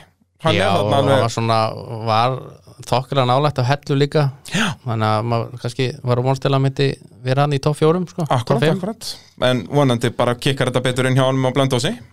Já, já, já, já. það þýðir ekkert annað. Í allar líkur á því. Uh, Svo var það Þórður Alli 250 og bara 20 í mínus. Vel gert. Já, Það er bara eitt besta skor í þessari braut uh, Já, það er næst besta skor í þessari braut. Hann er bara með 20 stjúðu minna en skúli sem fór allar leið. Já Og og hann, hann 100 alltaf í mínus. náði sko Hann náði sem sagt hraðanum og tilleipinu en stefnan var aðeins Já, er Eða fyrir ekki að það vinstra megin við. Jú, en hraðin var vel til staðar sko. Já, algjörlega, enda náttúrulega no afli í gamla, gamla guttanum í, í spaðanum góða. Maður er alltaf að segja guttin maður, er svo, að maður þarf að venja sig að segja spaðin sko. Já, og svo er aðrir sem að segja kortrengurinn út og hann er gullitaður. Já. Þannig að þetta er eintónt vesen. En, en þetta er spaðinn að sjálfsögðu og hérna flottur akstur á Þórður hjá Þórði, næst besta árangur í, í brautinni uh, Svo kom Aron Ingi og hann var heldur betur duglegur á stikonum maður.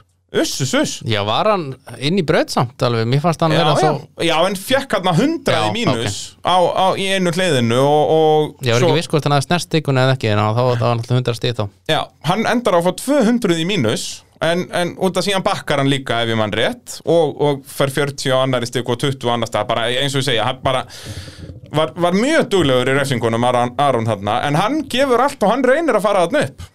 Já, sem að verður honum að falli út af því að hann tjónar bílinn hans mikið þegar hann lendir þarna. Hann fer sér satt alveg upp og færir í 300 fyrir lengt út af því að afturdekkin eru komin í gegnum endaliðið já, já, fyrir svo bara aftur fyrir og svo sig. fer hann aftur fyrir sig og lendir illa þarna á öðru framdekkinu og, og hann kom ekkert aftur? Nei, nei, hann þurfti að hætta eftir þetta allir. Mér held það, það tjónaðist svo mikið hjá honum hann framann að, að hann var frá að hverfa sem að er eh, já, skellur en, en já, full dúlugur á, á refsingunum hann, þetta var bara tólti besti árangur í brautinni. Í rauninni bara lélegastur og eftir gerivert gerivert átti lélegast árangur í, í þessari braut. Þetta er svona sama með Aron Inga og, og Ása. Maður svona er að vonast til að mann, hann, það er einhvern veginn gengur ekkert upp hjá honum. Já, það Bæði veginn- bílunægir og og mér Og fannst hann ennþá nefnilega vera fúskandi og fretandi að háum snúning alveg eins og á hellu. Ja, það var vist eitthvað villus bensín var mér sagt. Og þá aftur núna? Nei, þeir voru með annað bensín núna sko. En fannst þér ekki, þú veist, þegar maður hlustar á hann að þá er hann ennþá, þú veist, þegar hann er komin í fulla gjöf að þá kemur þú veist, Já, já, já. Þannig að ég veit það ekki, en, en ég er sammálaður. Aron Ingi er svona, þú veist, eins og ég var tiltúlega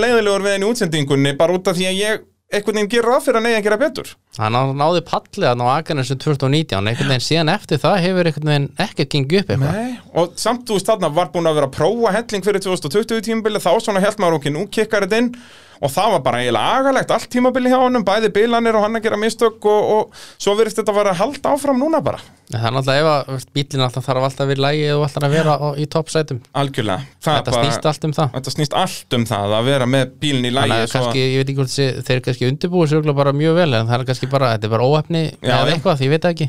Eitthvað svoleiðis en, en svekkjandi að hafa Aron ekki þarna í, í toppslagnum eins og hann á að vera í rauninni. Já, já, uh, Var hann síðastur eða var hann Já, hann var síðastur í braut. Það er, það er svoleiðis.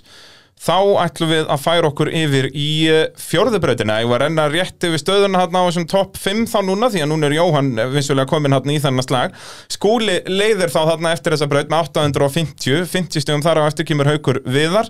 20 stegum á eftir honum, Snorri Þór Svo eru uh, 60 stig í Jóhann og Geirivert öðrum uh, 40 þar á eftir. Eins og ég segi, Geirivert hann var 170 stigum á eftir fyrsta sendinu. Þannig að þarna var þetta farið að líta ansi vel út fyrir skúla. Já. Og hann fer aftarlega í fjórðabraut hann náttúrulega er hann búin að fara fyrstur. Þannig að þetta eins og ég segi keppnin hálnuð og skúli bara náttúrulega alls ekkert með þetta eitthvað í hendi sér 50 stigur og ansi fljóta að fara þarna og, og sérstaklega eins og ég, ég horfði mikið á 50 brautinu þarna sko, það var svo erfitt bara þarna í miðri braut sko, að þá held ég að það myndi Já, Skera þetta alltaf úr sko. Já nákvæmlega, en, en já, fjórðabrautin var eiginlega ennþá skrýtnari. Já, það er bara með þeim skrýtnustu brautum bara sem ég sé lengi sko. Ég held það sko. Ekki það að brautin hafi verið eitthvað léleg sko, þetta var Nei, sett já, upp já, já, sko. bara, og þegar maður þetta í keppni sko, maður bara, já, já, þetta verður áhugavert sko, en Já, já. síðan bara einhvern veginn, já, við, við þurfum að fara vel yfir þetta, en uh, áður en að það gerist þarf ég að tala um bíljöfur, því að það er dásamlegt bílavestæði á smiðuvegi 34, eru, já, bara alliða bifræðavestæði og við allar gerðir bíla, stóra sem smáa, en sér hafið sér Jeep, Dodge og Chrysler, því þekkið þetta allt saman hlustendu góðir. Uh, og þá komum spurningu dagsins það er alltaf í kringum bíljöfur. Það þekkir þú Jakob uh, manna best. Er, Og- er spurningi núna þannig að hún sé pottet rétt Já, eða- ég, tó- ég tek enga sensa núna en þá fyrir vikið veist þetta alveg öruglega sko, en við sjáum til. Hver situr í þriðja sæti í Íslandsmótinu í sérubúna flokknum núna eftir aðra umferðina? Já, Já, og það sko, það- og það Akis er ekki búið að uppfara á netinu Já, þannig ég þurfti að bara rekna þetta heima. Ég held að Óli bara sé þetta ennþá bara. Það er horrétt hjá þér Þeir eru tveir þarna bara undan honum Það er Skúli og Snorri og svo er Óli Bræði bara með sín 20 stig frá hellu. Já, hann Því er að- með svolít 20 stíð ennþá. Já, þetta haukur var náttúrulega ekki með á hellu Þannig að Já. maður hefði haldið að hann nætti að vera núnda, Hann er yfirleitt að ný topps, toppslagnum. En Já. hérna Þannig að það er Óli Bræði sem er ennþá í þriða setið þannig En þeir eru náttúrulega komnir talsveld langt á undan. Skúli 17 stigum á undan. Já, Þannig að, að það er verið strax bara að vera komið ákveð einvíis ástand þarna á, á topnum en við sjáum hvernig þetta fer, þetta er tímabilið er rétt að byrja. Uh, fjórða braut, eins og við segjum, mjög einkennileg braut, uh, óhætt að segja það. Þá fer fyrstur fjölnir er það ekki rétt hjá mér. er haukur Það var haukur sem fór fyrstur. Hann er, já, hann er hann að nummer átta í, í sem sagt rásröðinni akkurat. Haukur Viðar fer fyrstur og hann var nú heldur betur duglegur á refsingunum. Já, Hann kemst að endarliðinu já, já en þurft að bakka í sem sagt, hvernig, hvernig láð þessi braut, Jakob, eða þú útskýrir það fyrir hlustundum? Þeir satt fóru hvað upp Það kom svo smá lítill Svona hóll og svo annar stærri Fóru upp það Fóru svo áfram Og fóru svo niður Og tóku beiguna hægri fram þeim séð Og svo upp aftur Mjög erfið Þetta er rauninni mjög svipu braut og í fyrra nema hún er eiginlega öfug Næstu í Já, eiginlega, en sagt, og þarna fyrsti, fyrsta brekkan, það var alveg svakalega laus moldin þar og þeir voru að keira yfir svona kamp í rauninni. Já. Þannig að þetta var mjög trikki svæði. Ég reyndar hjælt að allir myndir bara fara það auðveldlega upp sko, en það, kom an, það var annars sem kom á daginn sko. Já, heldur betur og hérna, en, en haukur kemst þarna upp, þó hann þurft að bakka aðeins og, og vesena síðan og hérna tekur stikkurnar líka í hliðarhallanum þarna niðri og, og, og, og já, svona trikki rönn og, Já, hann fór allan réttalega niður. Já. og já, nákvæmlega, það var ekki allir sem gerði það en þarna fær hann bara 100 stig sem að var þó 50 besti árangur í brautinni. Já, sem er ansið hreint magnað næstur í braut kemur svo Jóhann. Og ég ekki fór að vel hjá honum nei. hann festist í moldarhaugnum, bakkar og reynir aftur og festist það bara ennþá meira þannig að það er 90 mínus 40 og þá er hann dottin út úr þessum slag á topnum Já, svona, já. Þá var hann helviti langt á eftir haug sko. Já, Þá var þetta bara spurning um að halda 15 setinu. Já nákvæmlega, nákvæmlega og þá var næstur í braut Snorri Þór Arnósson á sínum uh, gullfallega kórdreng. Og já, hann var nú ekkert mikið skárið þarna. Fær 230 fyrir lengt fer þá allavega næstast er komin á lokabarðinu. En mér fannst hann ekki einu sinni reyna í lokabarðið almennilega. Nei, hann er mynd lent í sama og haugur sko að þurfa að bekka hana efst sko. Já, já, En fer nána síðan refsulust þangað til. Já, tekur bara eina stykku á 20 eftir það, þannig að hann er með 60 mínu samtals. Það sé bara spurning hvort þetta bara var þetta fært Kanski var bara, var Snorri búin að ákveða það í brautaskoðun að þetta væri ófært og það bara Já. náttúrulega þýðir ekkert að reyna ef það, veist, það er náttúrulega, þeir verða að nýta brautaskoðunina svolítið í þetta að að ákveða bara hvort að börðin eru færi eða ekki. En síðan alltaf getur börðin alltaf breyst en hann alltaf það snemma í börðin en, en börðin getur alltaf breyst sko en á milli bílan alltaf Nákvæmlega, nákvæmlega. Þannig að Snorri fær hérna 170 stig og þá hugsaði maður nú með sér, þú veist, að þetta lítur ekkert sérstaklega vel út, þú veist, núna er skúli bara komin í algjör draumaland. Þarf bara að ná þarna já, 170 stigum til að halda sinni fórustu og að minna náttúrulega haukur fekk ennþá færi stig þannig að, já, var að fara að líta vel út hjá honum. Uh, svo kom Óskar Ólafur á rollunni. Hann uh, velti þarna, hann kemst í gegnum 100 stigaliði sem er þarna upp fyrsta hálsinn. En er aðeins svo mikið til hægri og rúlar niður brekkuna. Já veltir henni í endahliðinu samt. Já, í rauninu, þetta endaliði var hann að hliðin á. Já, en hann veltur niður skálina þar. hann missir bílinu og langt til hægri og það er nefndi fyrir hann bara onni í endalið skálina og þá náttúrulega er, hann veltir bara og fer þar niður sko. Já, nákvæmlega, nákvæmlega. Þá var það bratt, maður rétt sá hann í ríkinu. Já, og hérna eins og þetta var alltaf þannig um leið, um leið og einhver komst upp eða þannig að þá beð maður bara eftir hvar bílinn væri eða Riki var farið Þannig að hann uh, fekk aðeins að rúla þarna en fær bara 20 stig sem var uh, lélega stárangur í brautinni.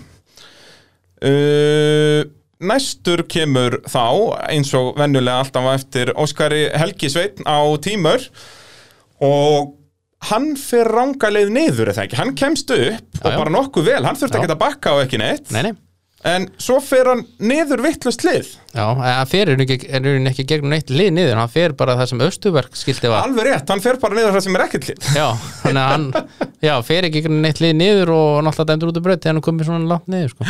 fær 130 mínus 60 þarna í, í, í brautinni og hérna já, áhugavert. Bjarki er einis, ég talaði aðeins við hann þarna í, í streyminu og hann talaði um að þetta er mjög trikki fyrir ökumenn þegar þú kemur svona upp á upp á svona bakka og þú sért bara fullt af hliðum fyrir fram að þig og þó að sért búin að lappa þetta þá er það ekkert það sama og tilfinningin þegar þú ert búin að hoppa þarna upp á einhverjum bíl og veist kannski ekki alveg hvar þú ert hvort þetta var þarna til hægri eða þarna til hægri og, og þannig að þetta getur verið trikki Já, mér reyndar finnst eins og í, í þessari braut eins og það eru sumir sem fóru hlið, enda hlið í 50 braut Mhm. að leggja stikuna bara niður og meðan Já. Menn vita samt alveg að það er aukt á hægri og hvitt og hvað það er sko já, já. en þegar þú komin inn í bílinn þá svona, veist, og það er ekkert það mikið vesum fyrir keppisaldar að leggja stikvarnar já bara leggja það niður en séðan eins og hellumanni þá var hann í þriðjubreyt, þá sögðu við bara fara, hefur þú fer hérna niður Já.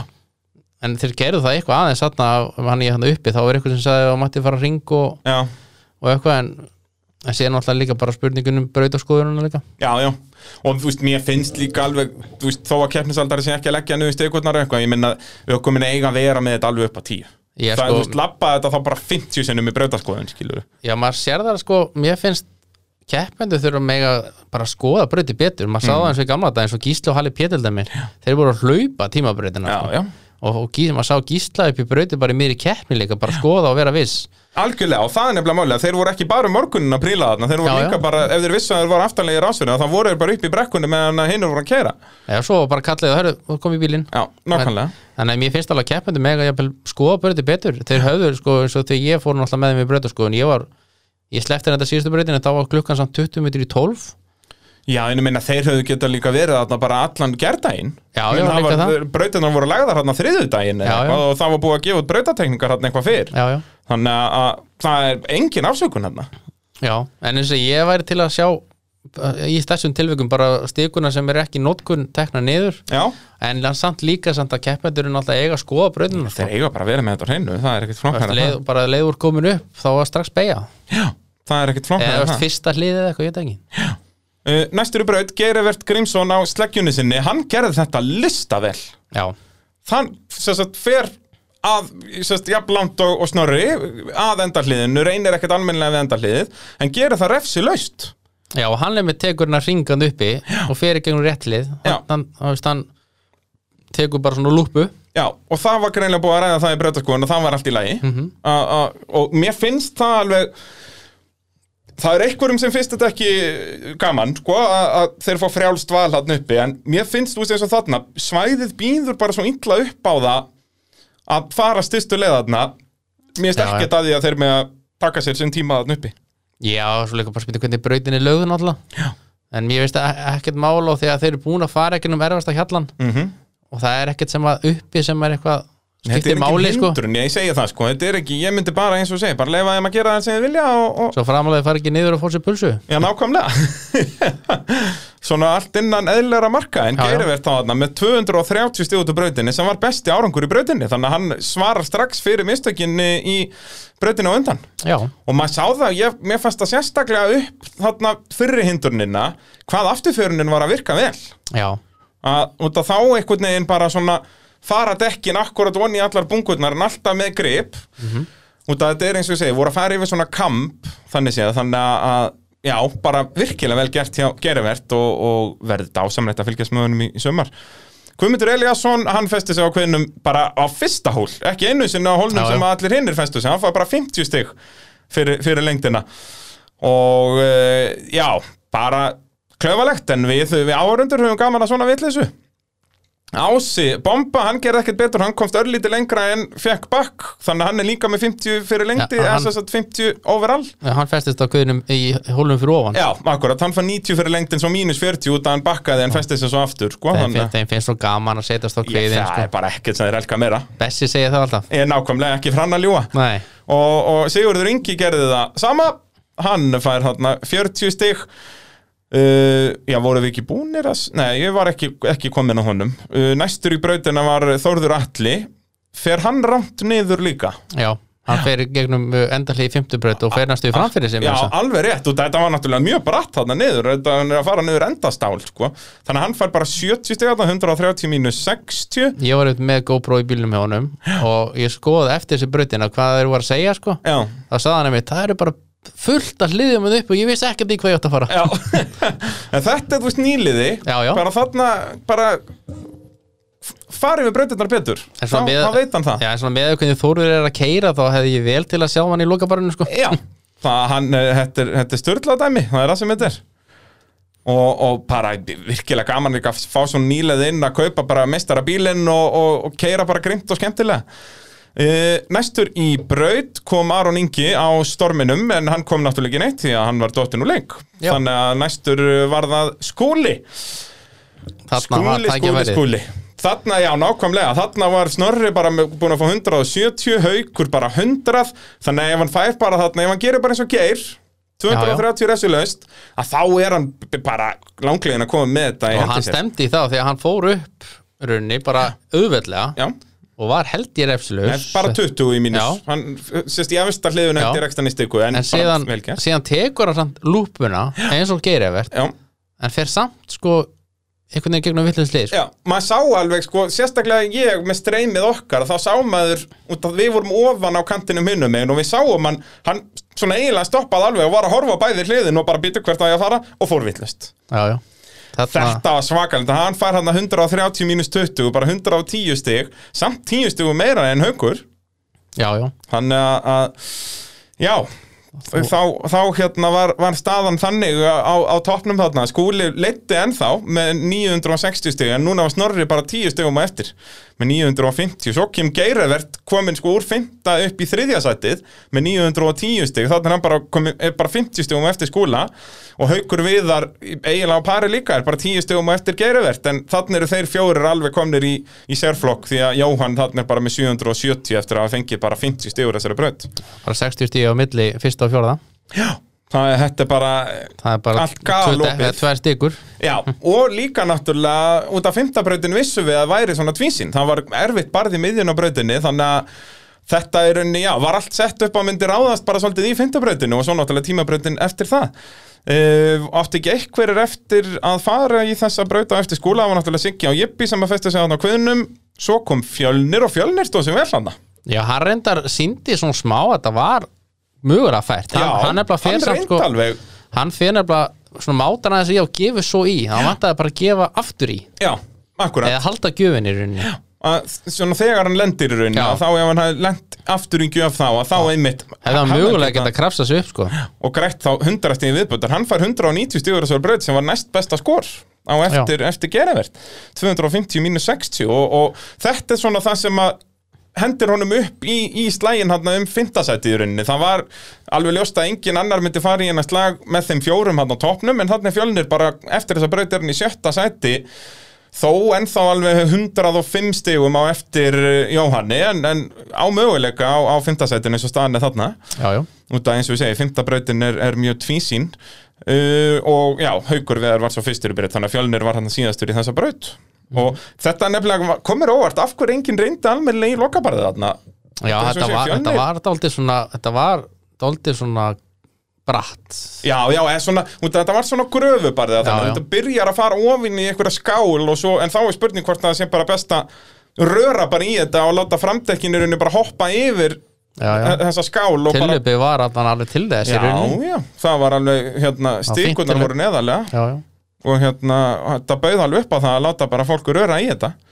En já, það er eitthvað Þórður hefði gert það ef hann hefði komist að því. Öruglega, 100% okkar maður.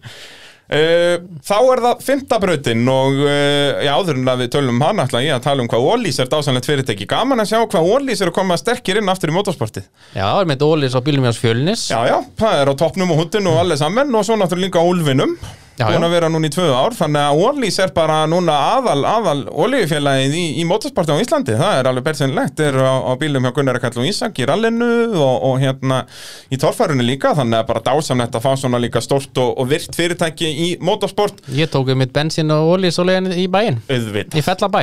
Auðvitað, enda Ólís út um allt land og hvetja alla til að eh, fara á ólís.is og eh, næla sér í Ólís leikilinn og eh, fá þar með afslátt af eldsneiti sem er alltaf dásamlegt, það er nú bara svoleiðis. En þá er það fymta brautin og það var já ég gískaði á úslendundu ráðast þarna en uh, já, hver var fyrstur í þessa braut? Munum við það? Það var Snorri. Já, er það ekki? Fyrst að haukur var það síðast þá er það snorri núna og þetta var, já, byrjuði yfir svona smá hóla, hann að hólinn sem að eh, strömpurinn festi sig á það var ekki alveg nákvæmlega sami hóll en svona á þeim svæði. Það er þetta örgulega fyrir okkur gaman að taka saman hverjir hafa fest á þessum hóli mitt Já, nákvæmlega þessum fyrsta hól þarna. Það var nú tíma sem var startsetti bara klósupappir annars Já, já, það- þetta var orðið vinsæll staður til að Já. festa sig á á. Og einmitt, sko, þar er það allra auðlarlegast að setja sig út. Þetta er strax bara það er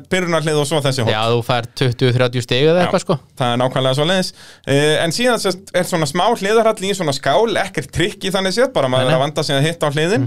Svo er þetta í rauninni mjög svipuð braut og hefur verið þarna margóft áður. Er farið yfir svona háls, svo hægri beigja og upp bara 90 gráðu vegg. Já, já, og það er bara 200 snega hliði svo þurftu þeir að taka vinstri beigju upp á bakkanum fara niður aftur og upp loka bara þarna sem að Þórður kom niður í fjórðabrautinni en venjulegast er þetta loka bara í samt vekkurinn, en núna var það bara í miðri braut. Akkurat og það er það sem að ég held að myndi á svona opna þetta svolítið þarna, opna slægin að það var einhverju sem myndi ekki komast þarna upp en, en aðrir myndu náði þannig að eh, já, áhugavert svo sannarlega.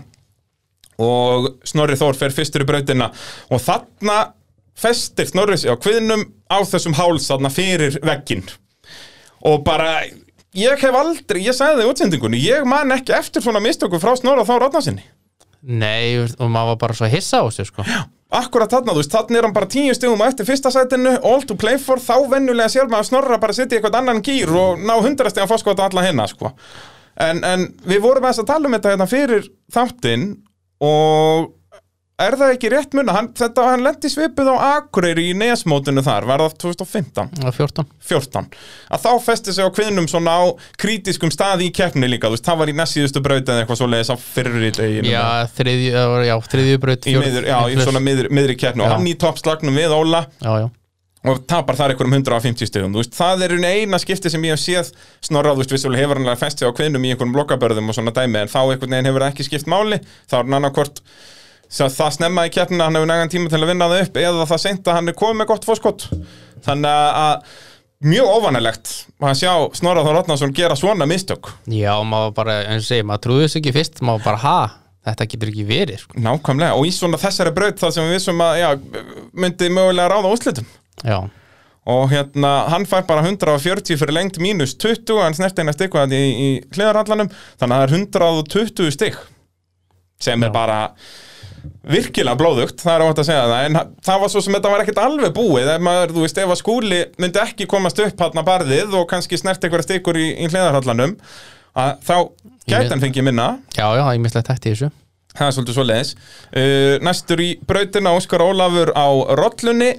Uh, Hann kemst ekki hann upp, nei? Nei, hann fer henni, hann svona sker hálsin og fer henni næstunni að endaliðinu, ekki hérna í begnum, Já, þannig að hann hann, hérna, hann fer yfir þess að hann er með 80 í mínu sko, já, hann tekur hann að grólega Já, akkurat, hann ætlar að sleppa þessari hægri beig og fara bara meðfram hálsinum í rauninni. Já, Alveg rétt. En uh, vantaði aðeins upp á hraðan til að Já, en svona sniðum pæling. Já. Vitandi líka, þú veist, það vantar kannski smá power í rolluna Þá er maður að gera að reyna að finna aðra leiðir eins og mm Mhm. Gerivert gerði þarna fyrir um daginn. En því miður endaði þetta með svipuðum árangri og hjá Gerivert fyrir um daginn. Það fær bara 100 stig út úr þessari braut. Svo kom okkar maður, Helgi Sveinn Heimisson á tímur Og hann flög þarna upp Já, hann samt svona flög rétt svo upp einhvern veginn og Já, þegar hann er þetta bara var bara svona einhver, kannski hann fer einhverja 50 cm upp í loftið eða eitthvað, en út að hann er á, á sest, beinustu leið upp, sko, Já, já. þetta svaka hipp og kúl. Þetta var svakalega flott hjá hann sko. Og hann flög sérst og lendi alveg upp á sem sínd okkur það að þetta var ekkit alveg 90 gráður, þetta var svona 8, 10 og 6 gráður eitthvað svo leiðis. Þannig að, En þetta er samt eins og með tímurinn þú ert alveg máðan með að vantar afl sko þarna fannst mér eins og hann væri bara fullu afli og hann er unni þannig sér rétt komst upp. Já, já, akkurat, en það- eins og ég segja, það mætti að vera örlítið meira afl og náttúrulega ausudekk þannig að vera eins meira grip líka. En þetta var, þetta var allan áhörundur ég var rétt hjá áhörundum eiginlega aðeins fyrir neðan og þau þetta í bótt Já, heldur betur, maður heyrði það vel hjá, hjá mér allan líka, áhörendur alveg mistu sig þarna, enda en góð ástæða til, því lík tilþrif og hann veltur þarna, já, þess að endar alveg á afturendanum, þannig að það brotna engin dekk undan tímur, Nei, það var, hérna, fór bara beint á grindina í rauninni, hérna, höggið uh, Svo næsturu braut er þá Geirivert Grímsson og þá er hann náttúrulega, já, þarna erum við aftur komin í, í toppslægin, en hann kemst ekki þarna upp. nei, hann fer Tálti vinstra með og svo skýst hann til hægri Já, hann ætlaði að nýta sér skálina, hann náttúrulega veit þarna, hann er ekki með nógu mikið afl, þannig hann ætlaði að reyna að nýta sér landsleiði svona og, og byggja upp hraða þannig en, en vantar bara eins meiri hraða. Og Þetta er, er náttúrulega bara spurningin eins og þarna hvort það hefði ekki verið bara, það er alltaf gott að veri ef, gamla góða ef, já, að fara henni bara beint í gegnum hliði, sleppa refsingunni taka smá beigju og bakka. Já, og fara svo, þá ertu komið tillöpi og beina stefnu í rauninni. Og þegar eins og geiri verið lendi í því að vera svona hálskakkur upp. Mhm. en eins og það er alltaf gamla góða ef og gamla góða ef og hefði, já, og sem náttúrulega bara elskum í motorsporti. en síðan alltaf getur hann grætt líka 40 stíma þegar fara hann upp öðruvísi. Já, það er alveg rétt, sko. Þannig að, þetta eru, það er marga pælingar í bröðum en þess vegna er torfana svona skemmtileg. Já. Það er, það er ekkit ein leið til að gera hlutina þarna. og menn er alltaf að hugsa öðruvísi. Já, og þú veist einmitt þetta, þú veist, ætti ég að taka sensin á þessu að taka stikuna þarna og jæri, jæri, jæra Geirivert fær hann að 190 fyrir lengt en 40 í mínus, að hann fær 150 úr brautinni, en græðir þar með já, 30 stig á snorra, þannig að núna eru bara 10 stig millir þeirra eftir þessa braut. Allt að gerast Guðmundur Eliasson, hann gerur þetta semst fær 160 refsilaust. Fest, nei, hann hann fer henni bara, hann bara í veggin Já, og næri ekki, næri já, hann er náttúrulega ekki með nógu góða beigjur til hann Nei. náði beigjunni svo illa. Já. og þess vegna næri hann ekkert almennilega að fara í veggin en velgert að fara refsilaust, hann var ekki snert að neina stikur hérna í, í hliðarhallanum eða sest í, í hérna, já. Af það eins og ég segið, hliðin voru þröngatna en þetta var engin þannig sé hindrun maður þurfti bara að vanda sig og, og Guðmundur svo sannlega gerði það og 160 stuð er næst besti árangur í þessari braut. Ég held nefnilega eins og í þessari keppni þetta er svona típist eiginstagkeppni ef þú vandar þig rosalega alla Mhm. keppnina fer nánast alltaf í endahlið þar þú farir ekki upp. Já, já, bara 250 og en vandar þig nánast þá ert í svona fjórða, fymta seti líklega. Já, sennilega ofar, já, Já. þú verður leikandi í þessum hérna. Ég minna eins og þeir hérna Snorri og, og Haukur og Geirivert, þeir voru ekkert að fara upp í öllum það var rétt bara í fyrstu braut. Já, já Þannig að þetta, þetta snýstur og þessar keppni snýstur rosalega um að vanda sig og sleppa refsingar. Refsingar hefa gríðalega eins og Alltaf er þetta er ekkert há stigatala þúsund stig eftir fimm brautir náttúrulega ekki nei Nei, ekki nokkuð skapaðar hlutur, það er bara nákvæmlega svo leiðis Og hérna eins og þú segir, bara ef maður væri með 250 refsi laust í, í flest öllum brautum þá verður maður bara í, í góðum málum held ég í, í þessari keppni. Já. Hvað væri það í, í stigum? Það, já, það væri 1500 stig, þú hafði rústað keppninu með því. Já, já, Bara 250 stig í öllum brautum. Þá ertu, langfistur Eh, Ekki langfistur, hvað voru þeir enda? Hann vinnur keppnina með 1300, jú, jú, það er með 200 sniða fannskvæð Þú geti, hefði getað sleppt tímabrautinu lengur. Já, Þannig að, að það hefur líka sann að sig, ég menna Snorri gerði þetta neitt árið og rústaði keppnið þannig. Já, það var já. reyndar minni samkeppni þá en, en hérna, þá bara mátaði hann í öll börð en vandaði sig mjög mikið og, og Mhm. það skiljaði sínu. Uh, hver, hvert voru komin? Ási var næstur er það ekki jú, jú og hann kemst þarna upp. Þetta, hann var svona fyrsti sem að rauninni fer þarna upp í rauninni Já, en hann sannaði það líka að það er ekkit endilega betra að komast þarna upp. Nei, hann alltaf tók líka eins og Óskar og Rollunni, hann tók hann svona, tók, Kö köttar Já. þetta svona yfir þannig að hann fær 40 og 40 þar var búinn að fá held í 20 í hliðarhallanum svo fór hann önnur 40 þurfti hann ekki að bakka eða tók hann stiku þarna þegar hann kemur niður til hægri hann tók stíkuna aldrei grólega sko. Já, þannig að hann var önnur 40 þar hann endar með 140 í mínus og svo náttúrulega kemst hann ekki upp lokabarðið.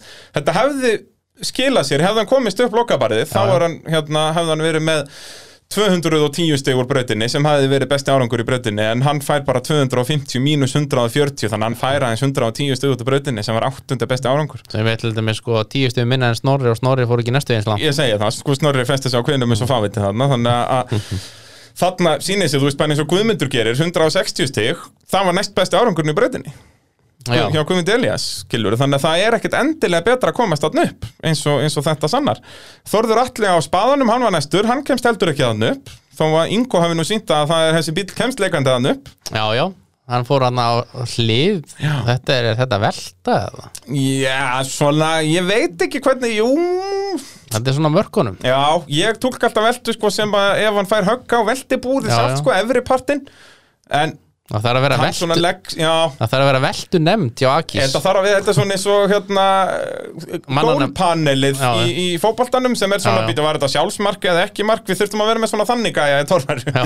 eitthvað svona, þetta skiptir ekki öllu máli hvort að hann fannst skráða á sig markið eða ekki og þetta er svona eins, svona hvort þetta er velt eða ekki, það skiptir ekki öllu en gott að hafa þetta á hreinu.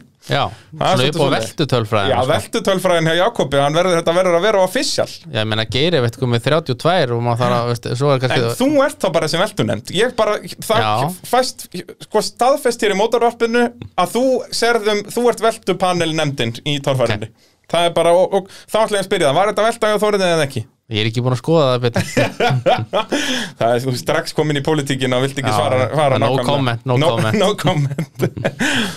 uh, Næstur í brautina var þá uh, skúli og uh, það nú ætla ég að, að vera leiðilegur nú, Það er svoleiði, skúli sem sagt fer hann upp. Uh, fyrsta barði, vel gert. Svo uh, sem sagt uh, á hálsinum sem Snorri festi sig á að þar fer hann yfir stikku undir miðan bíl, mínus 40 hafði ég haldið, svo bakkar hann gerir aftur sniðut eins og hann gerði í var það ekki annari brautina, þriðju þri- þriðju brautinni. þriðju brautina, bakka til hann á betra tilhlaupi og réttri stefnu. Flýgur hann upp og fer, hittir alveg í miðjun á hliðinu hann í 200 stega hliðinu. Tekur vinsturbegjuna, kemur flott niður fer endar svolítið neðalega en allt í góðu, það var túlkað sem inn í braut. Fyrir til, semst, til að komast vel inn í næst síðasta hliðið. Tekur stiku þar á mínus 20 en kemst ekki upp fyrir þessa braut fær hann 250 stig fyrir lengt sem er hárétt því að hann fyrir bara framdekkin komist í gegn en ekkert meira. Hann fær 40 í mínus. Já í staðan fyrir, í staðan fyrir 100 já sem að er svona með við sem hann ætti að fá með það sem við erum búin að sjá.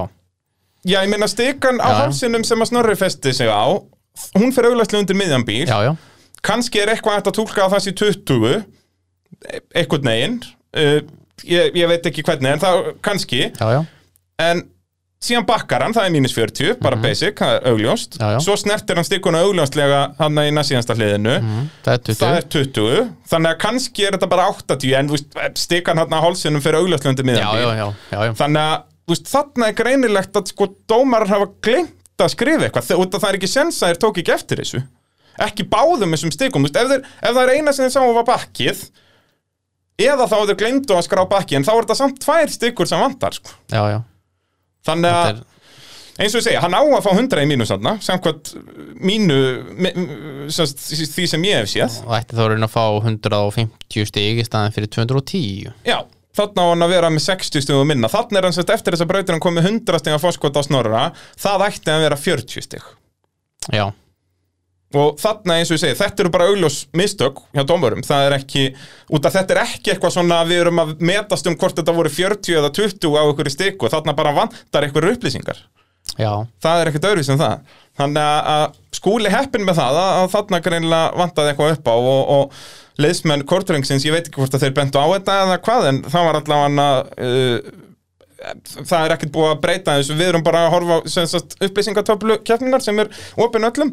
Og, og þetta eru staðfest úslit þannig að við bara það er allan, ég held að það hef ekki verið neitt mikið eftir kemni, ég meina dómar er allan að fengi ekki að sjá neitt, þeir báðu mig ekki um að sína sér neitt allan, þetta er svo vant. Já, nákvæmlega, þú ert yfirleitt fastorðið í marga klukkutíma með undaðvelina sem er svo sem ekkert mál sko. En, Nei, nei. það, var ekkert, það var ekkert núna allavega.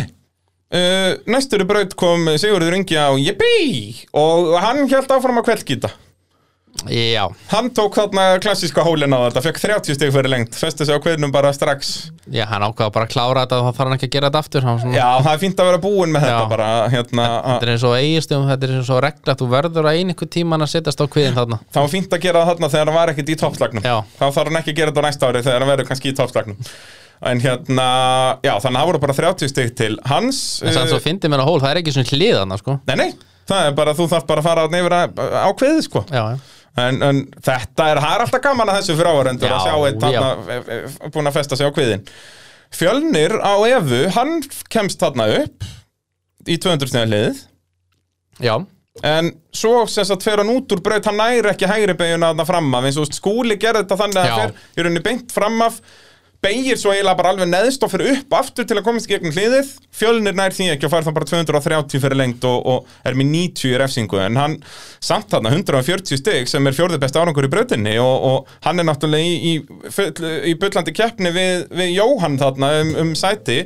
Og Jóhann fekk 160 minus 40 hann komst ekki upp 200 snega hliðið þannig að hann græðir þarna 20 stig á, á Jóhann sem er bara vel gert ég reyndar hefði viljað sjá þetta hlið, þarna næstíðasta hlið aðeins neðar Ég veit það, já, fatt ekki af hverju það var ekki Þú veist, þetta, öll er- keppnin var búin að vera þannig að þetta var sest, verið að gefa þeim góð tillaup og svona að þarna hefði ég viljað halda því áfram sko, það hafði ekki svona erfitt Þótt að hefði verið pínu póns kannski bara aðeins neðar þá hefði menn pottið að tekið stíkuna sko. þarna Já. vorum við bara vandrar að ná síðust stíkunni sko.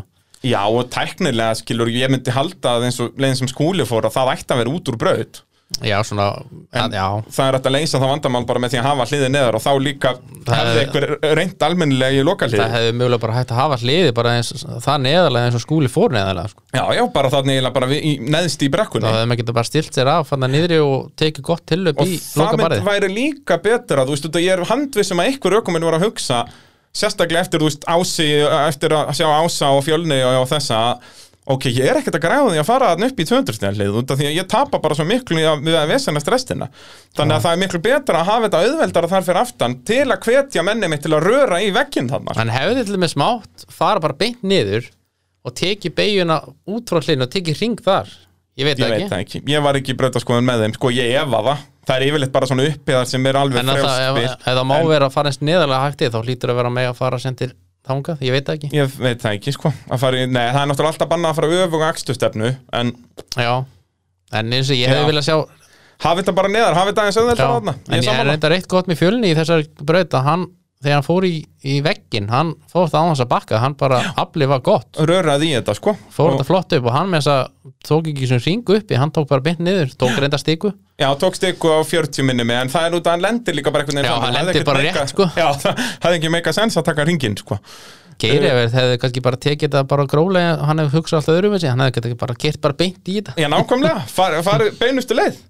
Hérna Þá er bara komið að tímabrautinni, loka brautinni en uh, þá langar mig að uh, spyrja þig um skemmtilegustu brautinni þessari keppni því að þú, svo spurning er alltaf í bóði tækjaflutninga Norðurlands og þeir flytja allar græjur uh, allstaðar yfir landið alveg sama hver þú ert og hvert þú þart að láta flytja dótið þitt að þá eru tækjaflutninga Norðurlands fyrirtækið fyrir þig. Þeir flytja bíla, báta og vinnuvélar og, og allt sem þið mögulega dettur í hug út um land allt um að gera hafa samband við tækjaflutningar Norðurlands Skemmtilegasta brautin þessa keppnina, hvað, hvað finnst þér? Ég er búin að vera, að skoða þetta, að hugsa þetta. Mm og ég held ég segi bara brautum með tvö. Já, því að þetta var þessi skemmtilega braut það voru tveir sem kláruðu. Nóga veltum. Og nokkra veldur og hafði svona smá áhrif á toppslægin líka? Já, algjörlega, já, ég er samanlegaðir því að náttúrulega skúli RS og, og skúli og gerur einu sem fóru upp þannig að þetta hafði smá áhrif og bara brautin sjálf bara nokkuð góð sko. Já, þetta er gott sjátt, ég ætla að vera samanlegaðir en annars voru hinnar líka fínar Já, sko. þetta er nefnilega, ég var að fara að segja þetta er ekkert augljóst svar í þessu. Þannig að Nei, meina svo fyrsta braut var líka bara nokkuð góð. Og þriðja. Og þriðja, já. Fjórða var þarna mjög spes En þú veist, já, Já. já, eins og ég segi Það er já, fullt sem kemur til En greina svona þarna. með hvernig keppni gekk fyrir þess að þá held ég að braut 2 hefði bara verið skemmtilegust. Rock solid, ég, er, ég ætla að vera sammálaðir með þetta uh, Tímabrautin. Þar uh, gerði Aron Ingi Svansson sér lítið fyrir, uh, mætti ekki í brautina og þar með fekk hann tíman 0 sekundur og það triði honum 350 stegur efsi laust samkvæmt opinberum úslitum þessara keppni. Það náttúrulega þýtti það að, að þeir sem ösnuðist til að mæta í brautina eins og Snorri Þór og, og Skúli og fleiri náttúrulega Snorri ekur þetta á 42 sekundum þannig að hann er hérna 42 sekundum hægar en Aron og þá náttúrulega fara hann bara 150 steg þú veist um leið og ert komin hvað er þetta ekki að þú ert 20 sekundum hægari en hraðasti tími að allt hægar en það að þá farið bara 150 steg það er lagast árangur sem getur fengið fyrir að klára brautina.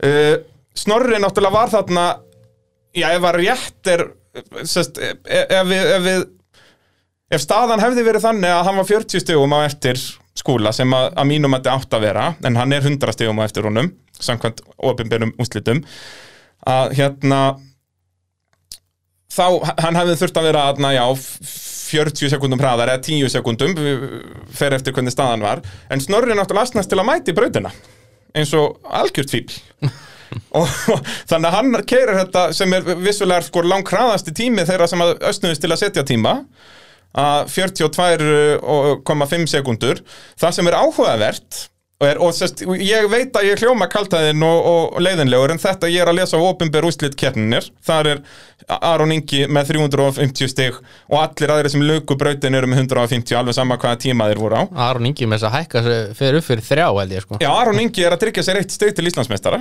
með þessum frábæra árangri í loka brautinni og ég hvet bara aðra keppendur að nýta sér þetta í, í keppnum sumasins að vera ekkert að mæti í þessar tímabrautir út af því að þá ertu mun hægari en 0 sekundunar Já, þannig að, að það er um að gera. Uh, þannig að tímarnir í rauninni skipta engum áli samkvæmt þessum úrslitum sem við erum með.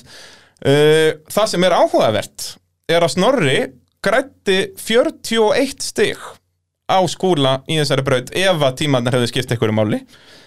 Þannig að það 41 stig pluss 60 stigin sem áttu að vera tekin af skúla í 50 brautinni þýða það að Snorri áttu að vinna þessa keppni með einu stigi samkvæmt mínum reikningum.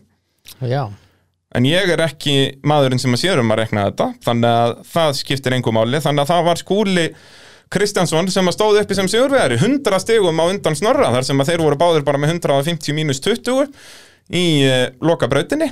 Þessi úrslit eru opinber úrslit á upplýsingaskíslu keppninar og þetta, já, við erum að taka þetta upp setnipart á þriðjudegi, keppnin var að laugadegi, þetta þykir mér til háboruna skammar. Já ég er allavega að hissa að enginn hafi þá tekið eftir þessu. Já, ég, ég fatti þetta ekki sko. Og hvernig virkar þetta, þú veist, ef ykkur ég meina því ég trúi því ekki að 13 keppendur sem að skoðu þessu loka úrslit og enginn hafi tekið eftir þessu, Já, en eru reglundar að þannig bara að þú verður að kæra þetta, þú veist, er ekki nóg að benda bara á heyrðu hann er að fá 350 steg hérna, þú veist ok, það út af fyrir sig er bjánalegt Aron Ingi fáið 350 steg en þetta er náttúrulega eðilegur brautina fyrir öllum hinnum út af enginn fær steg, þess að allir sem klára fá bara 150 já, þetta er náttúrulega bara innsláttar villa já, eða já, eitthvað. þetta er ekki einhver, það verður ekki dómaratnir sem að þetta er ekki dómarunum að kenna. Nei, nei, og það er náttúrulega erfitt að kæra eitthvað sem að fór ekki snýbrautina. Nei, nei, og, nei, þú veist, eina þarna er bara, þú veist, eins og segi, ekki kæra þetta, bara Nei, nei. common sense. Já, já, En er þetta að breyta svo núna eða? Á þriðju degi eftir kefni? Ég veit það ekki Það er allavega eins og ég segi, það, við erum að, að skoða get, þetta er eina sem við getum fjallað um og ég meina ég er að fara að klippa saman sjónvarsnáttum þess að kefni bara í kvöldið á morgun. Þannig að þetta er eina, eina sem ég get talað um, hvað bara frábær árangur hjá Aron Inga þarna í, þetta er náttúrulega besti tími sem við hefum séð í tímabraut, 0 sekundur. Já, já, Þannig ef, ef við ætlum að vera í sögubókunum líka þá veru, er, hann, er hann ofalega þar að setja, setja ný Íslandsmet í tímabrödd ég held að þetta var ekki með til 10 sekundur maður, 9 sekundur hjá Þóra eða eitthvað í bandaríkjunum eða eitthvað? Já, nákvæmlega, það er búið að slá það heldur betur.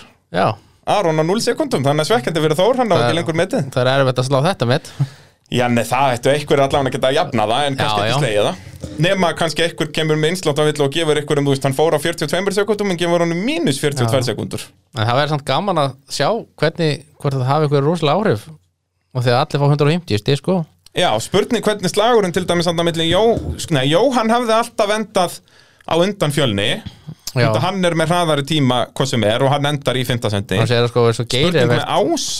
hann sko Já, sko Geiri er endar 20 stigum á eftir Snorra sem er raun að vera meira því að hann er Já, mikið hann er, 53 sekundur og meðan Snorri 42 til dæmis sko. Já, akkurat. En samt fáður, já, Snorri fær 10 stigum Já, meira en topp fjórir hafði, sko, ef við horfum bara á tímabröðina þá væri topp fjórir eins. Já. En ef við bætum þessum auka 60 stugum sem að glemdi að skrá í fymtubreyndinni já, já, að þá er, er Snorri Þór að vinna þetta meinust í.